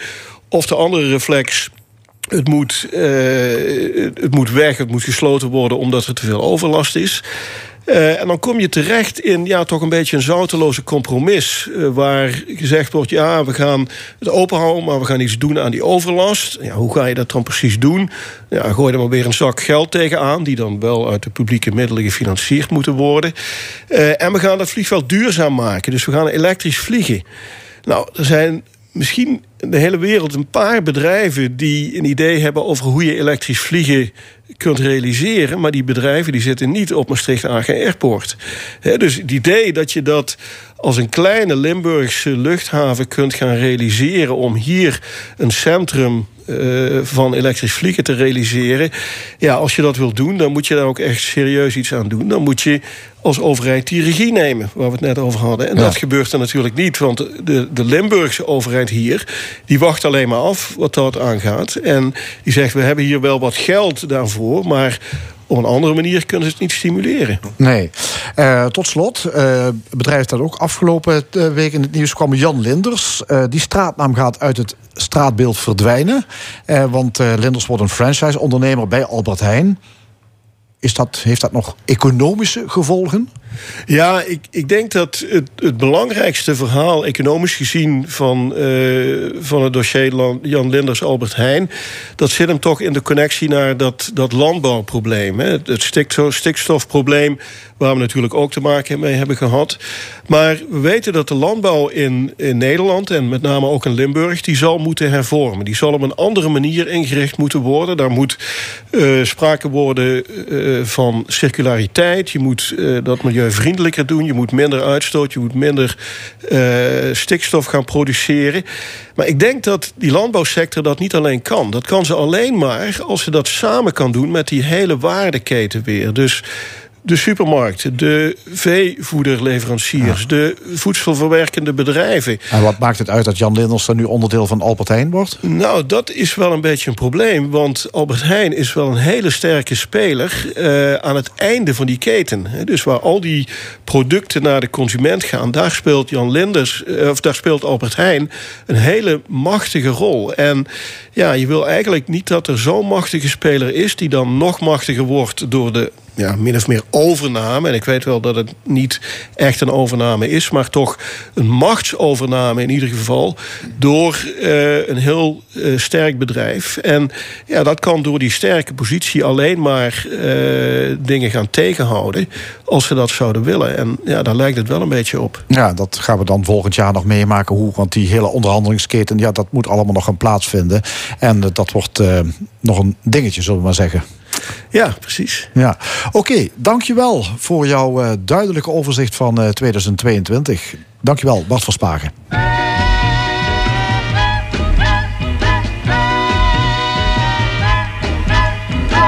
Mama said there'll be days like this, there'll be days like this. Mama said, Mama said, Mama said, Mama said there'll be days like this, there'll be days like this. My mama said, Mama said, Mama said, other day and uh, everything was going fine. I met a little boy named Billy Joe and then I almost lost my mind.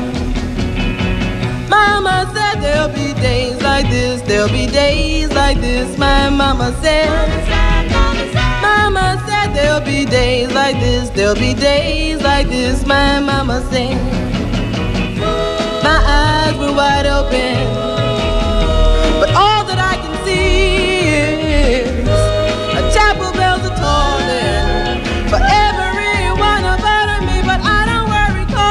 Mama said there'll be days like this, there'll be days like this. My mama said, Mama said there'll be days like this, there'll be days like this. My mama said, and then she said, Someone will look at me like I'm looking at you one day, and then I might find I don't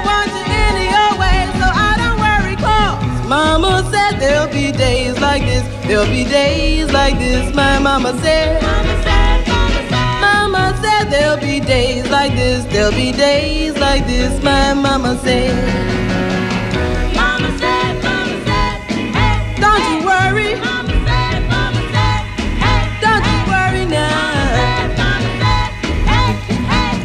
Mama said there'll be days like this, there'll be days like this. Mama said. Mama Said, dat waren de Charels.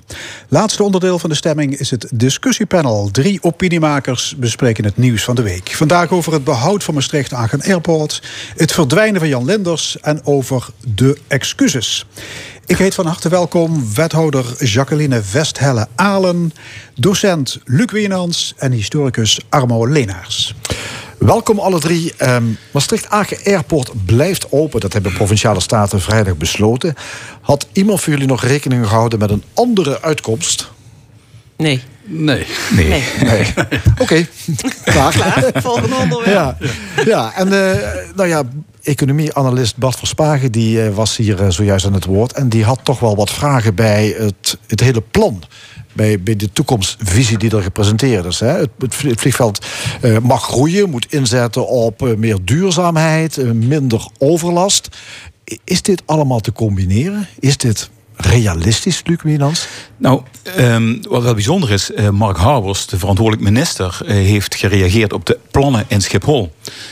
Daar was het aantal eh, vliegbewegingen, dat mocht daar 500.000 zijn, 500.000 vliegbewegingen. Dat moest terug, vanwege ook dezelfde verhalen over overlast.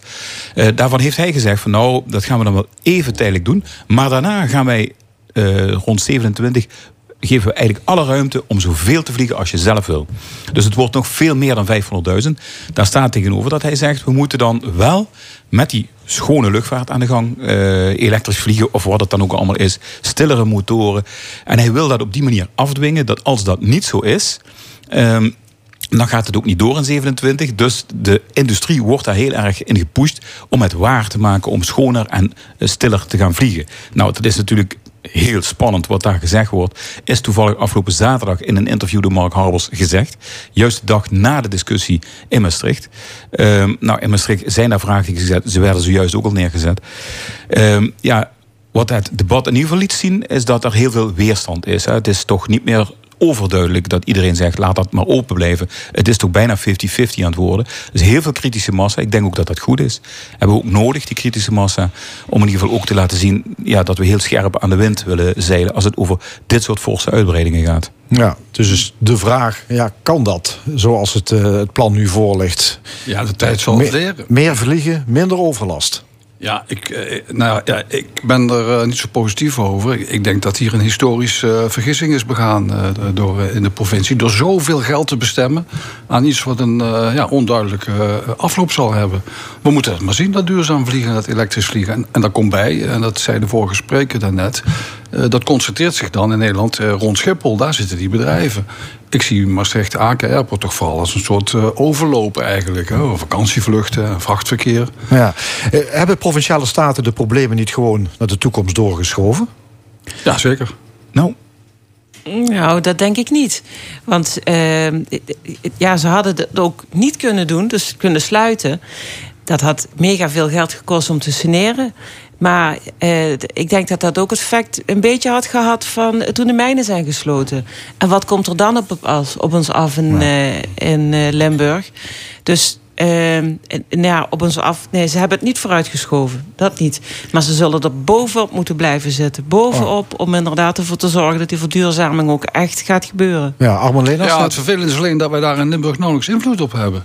Dus natuurlijk, verduurzaming is heel belangrijk. En dat zal ook wel gaan gebeuren, maar op wat voor termijn? En ik, ik begrijp dat de provincie minder te besteden heeft komende jaren. En dan wordt ik meen iets van 120 miljoen wordt bestemd voor het eh, vliegveld. En dan kun je dus een heleboel andere dingen kun je niet doen. En eh, dat werkgelegenheidsargument, dat begrijp ik. Maar het is wel een hele dure werkgelegenheid. Ja. Ja. ik kan er niet enthousiast over zijn.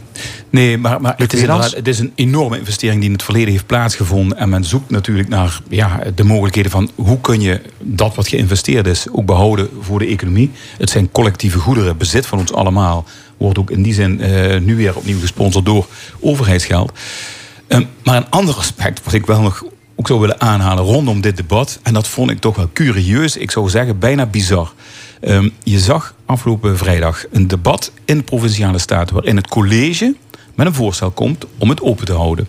Dan zie je een aantal partijen die ook vertegenwoordigd weliswaar zijn in dat college. Een aantal gedeputeerden, zo ongeveer 3-3.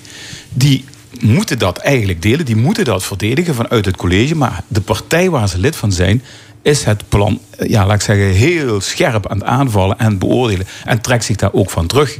Met andere woorden, eh, je krijgt eigenlijk een tafereel dat is voor geen burger meer te volgen. Nou, Luc, noem eens naam en toenaam. Nou ja, je hebt gewoon, eh, eh, normaal gesproken heb je een coalitie en een oppositie. Zo werkt dat. Dat is een burger ook gewend, die snapt dat ook. Daar zit een college die verdedigen een standpunt. Nu zitten daar drie partijen in. GroenLinks, Partij van de Arbeid en... ehm, even kijken, GroenLinks, Partij en D66. Drie partijen zitten daarin. Als gedeputeerde is men geacht om het collegevoorstel te verdedigen. Terwijl vanuit provinciale staten die partijen heel scherp zeggen van... we keuren dit plan af. Ehm, nou, dan zie je eigenlijk dat, dat er toch iets wankels ontstaat van... ja, wie is daar dan nou eigenlijk nog voor? Eh, Vind jij dat het, dat het kan? Dat het dus, eh, je zegt het is niet uit te leggen. Dus eigenlijk zouden die gedeputeerden hier niet ja, een conclusie aan Maar, hebben, maar hadden dat moeten is ook verbinden? een mooi voorbeeld van, van het zogenoemde dualisme. Ja, precies. Nee, de ja, staten hoeven zich niks aan te trekken van een collegevoorstel. Mogen toch dit- anders dit- beslissen? Dit gaat over een van de belangrijkste dossiers van de afgelopen jaren. Eh, nou, ik kan me voorstellen dat een burger er toch blij mee is als hij een beetje weet van welke partij is nou waar voor en wie is daar nou tegen. Dan zie je dus dat GroenLinks in de Staten als partij tegen dit voorstel stemt. Heel begrijpelijk met een duidelijke toelichting. Maar er zit een gedeputeerde van GroenLinks. Ja, die moet dat dan tegen heug en meug verdedigen. En Ja. dat heeft alles te maken natuurlijk met de grote clash die in juni heeft plaatsgevonden. Waar eh, ja, dit Oh, nee, daar eerder nog voor, eh, waar dit nieuwe college uit is ontstaan. En dus wat dat betreft ben ik erg blij als er verkiezingen zijn in maart. En dat er gewoon een normale provinciale staten komt met een normale verhouding en een coalitie-oppositieverhouding. Ja, Jacqueline Ja. jij, bent, eh, van, jij bent van de PvdA. En GroenLinks. Ja, Ja. dat is een van die partijen. GroenLinks. Ja, PvdA, Ja. dat is zo'n partij die dus helemaal klem zit. Ja, nou ja, goed. eh, is niet de- uit te ik- leggen, zegt Luc.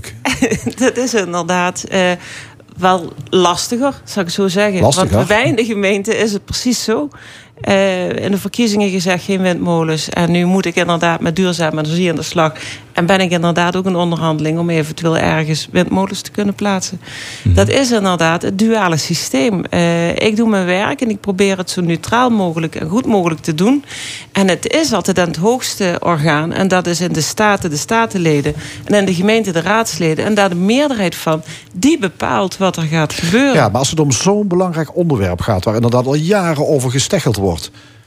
dan is dat inderdaad moeilijk uit te leggen. Moet, moet, ja, de gedeputeerde daar dan misschien niet een conclusie aan verbinden? Nou kijk, dit college kunnen in principe niet kwalijk nemen. hè. Door de chaos die gecreëerd is in de Provinciale Staten een aantal maanden geleden... is dit college bedacht door Johan Remkes. Heeft die mensen gebeld van, we moeten toch een college hebben.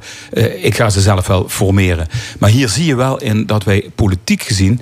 eh, een hele wazige sfeer creëren waar geen burger meer wijs uitkomt. Ja, en ik denk, ik denk dat het toch verstandig is dat je ja, de, de, de principes van coalitie en oppositie, die in ieder geval duidelijkheid op hoofdlijnen geven, eh, dat je daar wel weer naartoe terugkeert eh, als het maart, eh, in maart verkiezingen zijn geweest. Ja, maar daar ben ik het niet mee eens. Het heeft niks te maken met die tussenoplossing die ze gedaan hebben voor de gedeputeerden. Want het heeft echt gewoon te maken met de verkiezingen die je één keer in de vier jaar hebt.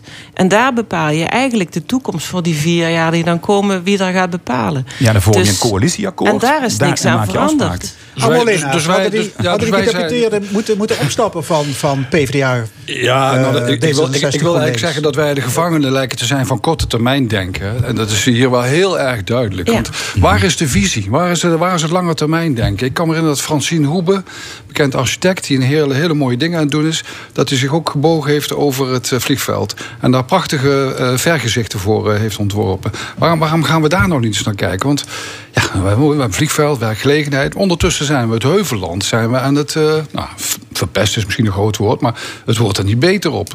Dat zeggen de ondernemers in het heuvelland trouwens ook. Hè. Dat vond ik ook wel bijzonder om, om te zien. Ja, klopt. Ja, ik, ik, ik, ik, eh, gebrek aan leiderschap. eh, Nou, wat dat betreft zie je daar wel volgens mij ook een soort voortschrijdend inzicht. Namelijk dat er nog nooit zoveel kaarten op tafel zijn gelegd. Alternatieven, zo'n plan eh, van Francine Hoebe, is er nooit eerder geweest.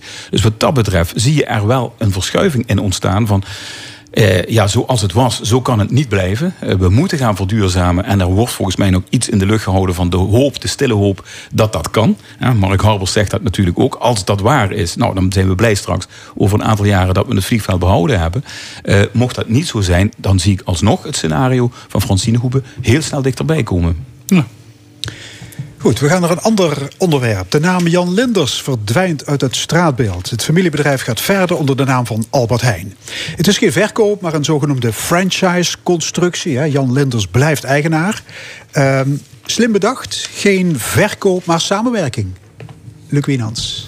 Ja, ik, ik, vind, ik vind het lastig inschatten ook van in, in, in hoeverre dit nou een maatschappelijk eh, probleem is wat hier opgelost wordt. Het is. eh, ja, waar ik in ieder geval blij mee ben, is dat eh, het aantal supermarkten in de lucht blijft. Dat de werkgelegenheid behouden blijft. En hoe dat op de achtergrond precies georganiseerd wordt, dat vind ik lastig in te schatten. Ik weet dat Albert Heijn 35% van het marktaandeel op die supermarkten heeft. Dus al een hele grote speler is. En ja, zo groot, zoveel macht, is meestal niet zo heel erg gezond. Eh, dus ja, welke kant het op gaat, dat zou ik niet kunnen zeggen. Nee, nou ja, ik, eh, dus- daar- ik sluit me daarbij aan. En eh, dan heb ik altijd het doemscenario voor ogen van Frankrijk, van het platteland. Dan heb je één grote supermarkt, van Carrefour geloof ik heten ze. En in een, eh, in een wijde omtrek is er dan helemaal niets meer. Hè. Dus ook echt alles weg. Laat ons dat niet overkomen hier, eh, zou ik zeggen. Dus ik- ja, eh, dat vind ik wel een punt van zorg. Ja. Er staat wel tegenover, dat vind ik wel heel mooi, dat er zo'n ontwikkeling is. Je ziet dat met name Turkse ondernemers, die staan op en die beginnen gewoon weer eigenlijk de ouderwetse groente- en fruitzaak. Ik zie daar een klandizie naartoe gaan, fantastisch. Volgens mij is er ook heel veel vraag naar, is er ook heel veel markt voor. Dus aan de randen van die hele, de grote discussie, ontstaan er nieuwe initiatieven. Die we volgens Ja, mij. vooral- schaalvergroting aan de bovenkant. En, en dan beginnen we nieuwe schaalverkleining dingen. aan de onderkant. Ja, dat is wel wat ik zie. En, en vind ik een hele goede ontwikkeling. Ja. Nu is Jan Lenders een kleine speler in de supermarktbranche. Hè, staat voor enorme investeringen op het gebied van digitalisering, thuisbezorging, marketing. Ja, daar is het familiebedrijf nu vanaf. Ja, dat weet ik Dus niet. was dit een slimme move? Ja, nou, ik, ik weet niet of, of Jan Linders... ehm, ik vond het sowieso eigenlijk een hele rare eh, franchise, zeggen ze. Maar dan lees je eigenlijk bij Jan Linders op de site... ze gaan eh, tien, eh, nee, elf bedrijven verkopen. Dus die stoten ze helemaal af. Dat gaat ook niet naar de Albert Heijn. En dan eh, gaan ze van de Albert Heijn weer eh tien, bedrijven kopen, overnemen. overnemen, maar ja. krijgen die dan de naam Jan Lenders dan weer? Dat is heel raar. Nee, die krijgen de naam Albert Heijn. Ja, maar ja, goed, waarom zouden ze dan van Albert Heijn Weet naar Jan. Lenders gaan? Dat, daarom Nee. dus, dat vond ik dan wel een hele vreemde. eh, maar ja, goed ik, ben in ieder, goed, ik ben in ieder geval blij dat de supermarkten blijven. Dus wat dat betreft, want ieder dorp verdient een supermarkt. Want anders dan Ja. loopt een dorp leeg. Ja. En dat heb ik zelf gemerkt in mijn eigen gemeente. Eh, dat, dat is echt wel een hele belangrijke om in een dorp te hebben. Ja. Dus wat dat betreft, die, die supermarkten om de hoek... Ja, die moet je echt voor pleiten om die zoveel mogelijk ook te kunnen behouden in iedere kern. Ja, Want het ligt toch ook wel aan ons als consument. Want eh, Ja. ik ben het daar helemaal mee eens. Ja. Bijvoorbeeld in eh Ubachsberg, daar is, daar is geen winkel meer. En, eh, maar dat zijn we natuurlijk wel zelf schuld. Want wij gaan eh, de Bergsweg af naar Voerendaal... en dan doen we inkopen bij de Albert Heijn. Of we gaan naar Heerlen. Moet je niet doen, hè? Moet je ook eh, je brood en je groenten en fruit... En dagelijkse dingen... die moet je dan ook kopen bij zo'n kleinere winkel. Ook als het misschien een beetje duurder is... en er geen bonusaanbiedingen zijn. Meneer Van Jan Lenders, 63 winkels. Het draaide vorig jaar een omzet van een half miljard euro. En dan ben je kennelijk nog niet voorbereid op de toekomst. Daar kun je kennelijk die investeringen niet van betalen. Ja. Dat is toch een Ja, merkwaardig. Dat, dat is ook merkwaardig. En dat, ja, het is een soort doorrationaliseren van markt, markt, markt. Eh, terwijl het soms zo simpel moet gaan om eh, ja, het product, het verse product, het goede product waar de consument naar vraagt. En daar zie je inderdaad die kentering toch wel in. Eh, die hele discussie over slow food productie, nou die, ja, die mag overigens weer eens een flink impuls krijgen wat mij betreft. Maar daar gaat het veel meer om de kwaliteit van die producten. En terecht ook wat je zegt, wij moeten soms ook als consumenten weer eens denken van ja, daar ben ik ook wel voor een beter product ben ik ook bereid om misschien iets meer te betalen. Maar ik weet wel dat het dan goed is. En rechtstreeks eh, vanaf eh, het bedrijf, van de, vanaf de, de, de agrarische sector komt. Ja. Nog een ding, er wordt gewerkt aan een landbouwakkoord tussen supermarkten, banken, boeren en het kabinet over stikstof en kringlooplandbouw en dat soort dingen. Ja, straks zit alleen Albert Heijn aan tafel namens de levensmiddelenbranche. Hoe, hoe wenselijk of onwenselijk is dat? Dat, dat zou niet goed zijn. Maar goed, eh, ik weet niet of het ook werkelijk zover gaat komen. Maar dat zou inderdaad niet goed zijn. Nee, maar Albert Heijn is toch op weg om een Ja, monopolist te worden, Ja. of niet? Ja, Ja. was de kleine kruidenier toch? De kleine ondernemer. De Zaanse Kleingrutter nu. Maar we hebben toch een mededingingsautoriteit eh, die, dat, Ja. eh, zal, die zal dat niet toestaan. We hebben, we hebben nog steeds de Jumbo. En, Ja. Misschien ook wel buitenlandse partijen die geïnteresseerd zijn in De Nederland. Lidl en de Aldi hebben we Ja. ook nog. Hè? Die doen ook eh, goede zaken. En als zij te gek gaan doen met, met levensmiddelen... dan raak je je klanten toch echt kwijt. En dat hebben ze een aantal jaar geleden ook gemerkt. Ja. Ja. Na brand is straks ook het Limburgse merk Jan Linders verdwenen. Roept dat nog bepaalde gevoelens op? Mm, nou, bij mij niet heel erg, ben ik eh, niet zo eerlijk. voor. Nee. De grootste Limburger aller tijden. Ja, maar zeker. En, en het is ook fantastisch dat in dat tijdsgevricht het initiatief genomen werd. En dat iemand in staat is geweest om zo groot iets op te bouwen. Met zoveel glans ook. En het is ook niet voor niks, denk ik, dat het nu ja, opgekocht wordt voor zo'n groot bedrag. Je hebt het over die L1-actie nog tegen. Ja, Ja, ja. Maar die Ja. zat toch allerlei stembiljetten in de eigen winkels uit te delen, toch? Elke cashier heeft, eh, denk ik, gestemd. Ja. Een paar keer, een paar keer Ja. waarschijnlijk. Ja.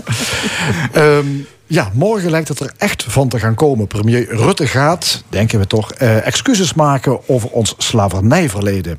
Ja, over de timing en eigenlijk over zowat alles is behoorlijk wat herrie ontstaan. Is het slim dat Rutte doorzet en morgen inderdaad echt excuses gaat maken? Alleen als je hebt trouwens heel veel met Zuid-Amerika, geloof ik. Hè? Waar Ja. slavernij, Ja, eh, ja. je bent net terug. Ja. Ja, ja. Ja. ik, ik word heel verdrietig van eh, wat hier gebeurd is. Ik vind het een enorme gemiste kans. Ik denk dat het heel eh, mooi eh, geweest was als eh, de regering... in samenspraak met de mensen waar, het over gaat... eh, iets had bedacht waar iedereen, waar iedereen een goed gevoel bij zou krijgen. En dat is nu niet gebeurd. Nu gaat Kaag op het allerlaatste moment naar Suriname... om plooien glad te strijken. We weten niet wat er morgen gaat gebeuren. Maar het ziet er toch naar uit dat het bij voorbaat... nou ja, eh, niet is wat we ervan verwacht hadden. Ja, dus het is dat- verdeeld. Ik begreep dat de Surinaamse regering ziet het eigenlijk best wel zitten. Nou, die, ik, ik las dat ze het te zien als het begin van een proces. Ja.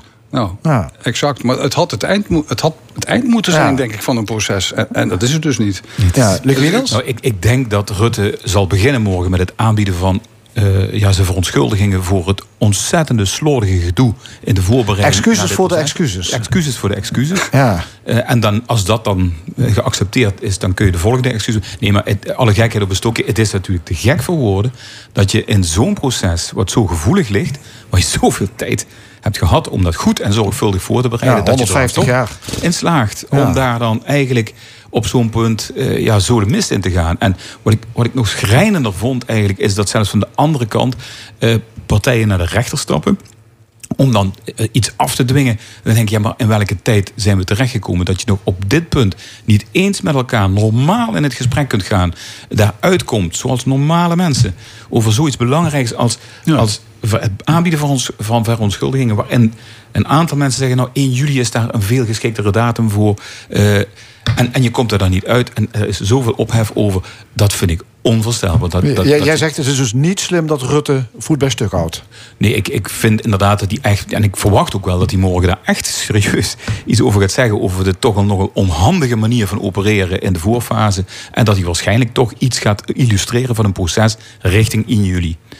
Ja, Jacqueline eh, Westhelle, hoe kijk jij hier Ja, naar? nou ja, goed. Ik vraag me af waarom hij dat er zo doorheen heeft gedrukt. Ja, want ik vind het inderdaad, als, als toch de mensen waar je het voor doet, zich eh, of de vereniging, ja, de vereniging die nu zelfs naar de jurist zijn gegaan, eh, da- dan, dan moet er toch een reden voor zijn. Gaat hij dan eh, de- de- ja, toch nog iets eh, speciaals brengen, eh, wat hij dan uit zijn eigen hoed wil toveren of zo? Ik weet het echt niet. Nee, Eh, gaat de, de dader niet over niet de timing van zijn eigen wachten. excuses? Ja. Weet ik niet.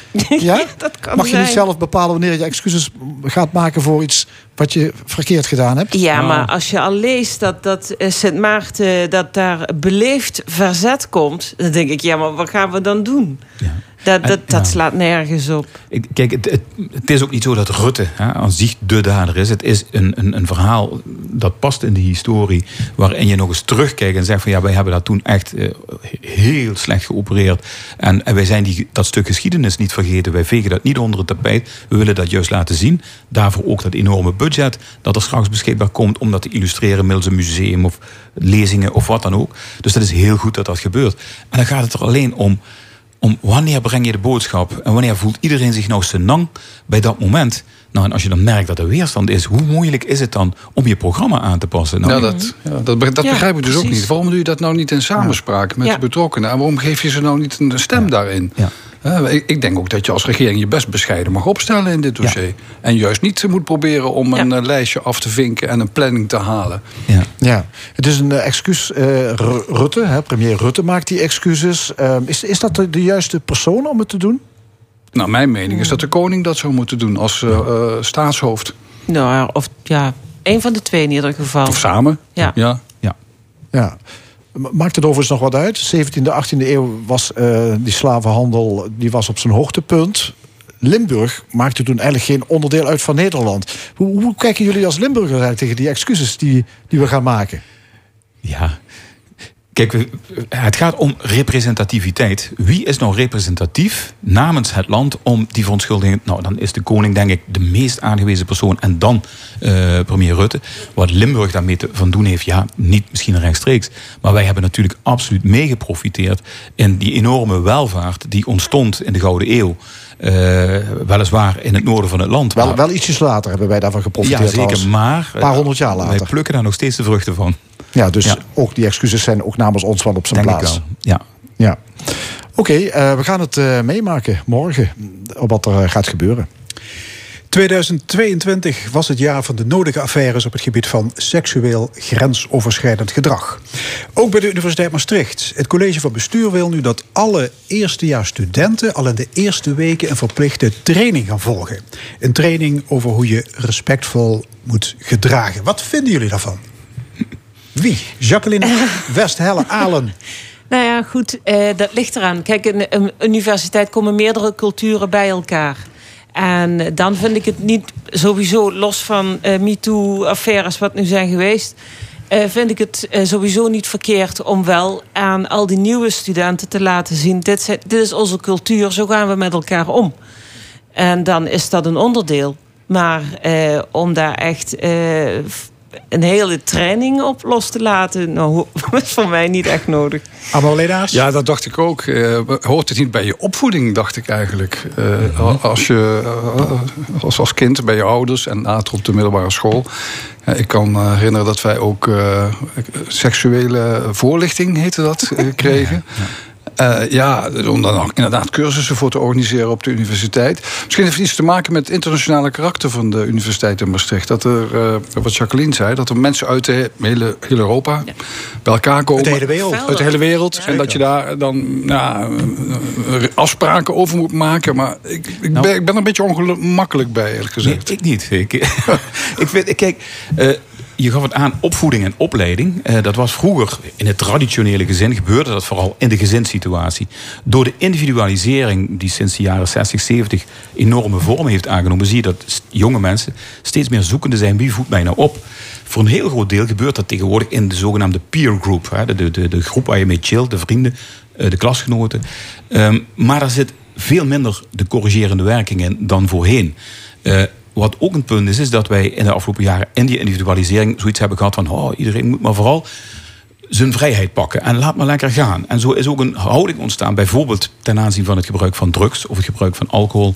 Dat is een soort normalisatie geworden waarvan ik denk dat is niet goed geweest. Hè? Wij hebben veel te veel dat soort zaken een beetje vrijgelaten. Het komt wel goed, het individueel. eh, iedereen is individueel sterk genoeg om dat goed en kwaad te kennen. Ik vind dat heel belangrijk en heel waardevol dat juist binnen de doelgroep zelf het debat gestimuleerd wordt om het daar eens over te hebben. Eh, om te zeggen van waar zitten die grenzen nou? Wat vinden wij nou normaal? eh, als het in de omgang met elkaar gaat, maar ook het gebruik van alcohol en van drugs. Wat vinden wij normaal?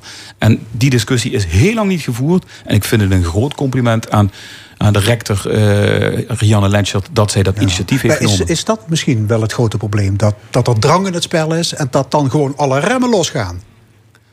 Ja, je ziet het bij die ontgroeningen natuurlijk. Hè. Daar, die, die- dat, dat soort gekke uitspattingen die de krant helaas gehaald hebben. eh, daar zie je dat heel duidelijk. Dat dat soort dingen gebeuren. Maar met name de MeToo-situaties is vaak één op één. Eh, achter de schermen. eh, en, en, en juist daarin moet je de kwetsbaarheid wegwerken. door het bespreekbaar te maken. En dat vind ik echt heel belangrijk. Ja, maar waar zijn die ouders dan van, van die studenten? Ja, die zitten thuis. Ik, ben, ik zit ook hier in Limburg. Mijn, man zit, of mijn zoon die zit in Enschede. Dus eh, ja, ik, ik ben echt zo'n moeder van een student. En eh, wat ik vaker voorbij zien komen, wat ik van hem hoor... dan denk ik vaker ook, oké, het is andere tijden. Denk, en denk je dat je Ja. alles hoort? Sorry? Denk je dat je alles hoort? Ah, Nee, maar, nee, maar het, is wel, het is wel losgaan. Hè? Je, bent Ja. eerst, je bent op kamers en dan, ja, dan, dan is er geen ouderlijk toezicht meer. Dan, dan kan natuurlijk heel veel. Nee, Ja, maar uit, uit basis- onderzoek blijkt dat 47% van alle studenten minimaal één keer te maken heeft gehad met seksuele intimidatie of erger. Dus dat is de helft van 22.000. Dat is heel veel. Nee, dat eh, bagatelliseer ik ook eh, zeker niet. Dat, is, dat is natuurlijk eh, een belachelijk hoog cijfer eigenlijk. Ja. Ja, Alleen, ja, mo- moet de school dat dan oplossen? Want Nou, dat, in, de- gezinssituaties is gewoon heel erg veel veranderd. Hè. Eh, vader en moeder zijn vaak beide gaan werken. Sterker nog, waar is nog de traditionele situatie, gezinssituatie van vader en moeder? Er zijn vaak samengestelde gezinnen of wat dan ook. Dat wil niet zeggen dat men er geen aandacht meer voor heeft. Maar er is wel een vrij druk programma ontstaan. Waardoor er soms te weinig aandacht is voor dit soort gesprekken. Hartelijk dank. Discussiepanel vandaag met Jacqueline Westhelle Aalen, Luc Wienans en Armo Lenaars. En dit was ook eh, de stemming, de laatste van dit jaar. Vandaag gemaakt door Tino Hellebrand, Fons Geraerts en Frank Ruber. Graag tot volgende week zondag. Nee, dat is natuurlijk niet zo. eh, tot over drie weken. Ja, dit programma is na te luisteren op onze website l1.nl en wordt herhaald maandagavond om 8 uur. Zometeen op deze zender Paul Verstegen met zijn zalige zondagmiddag.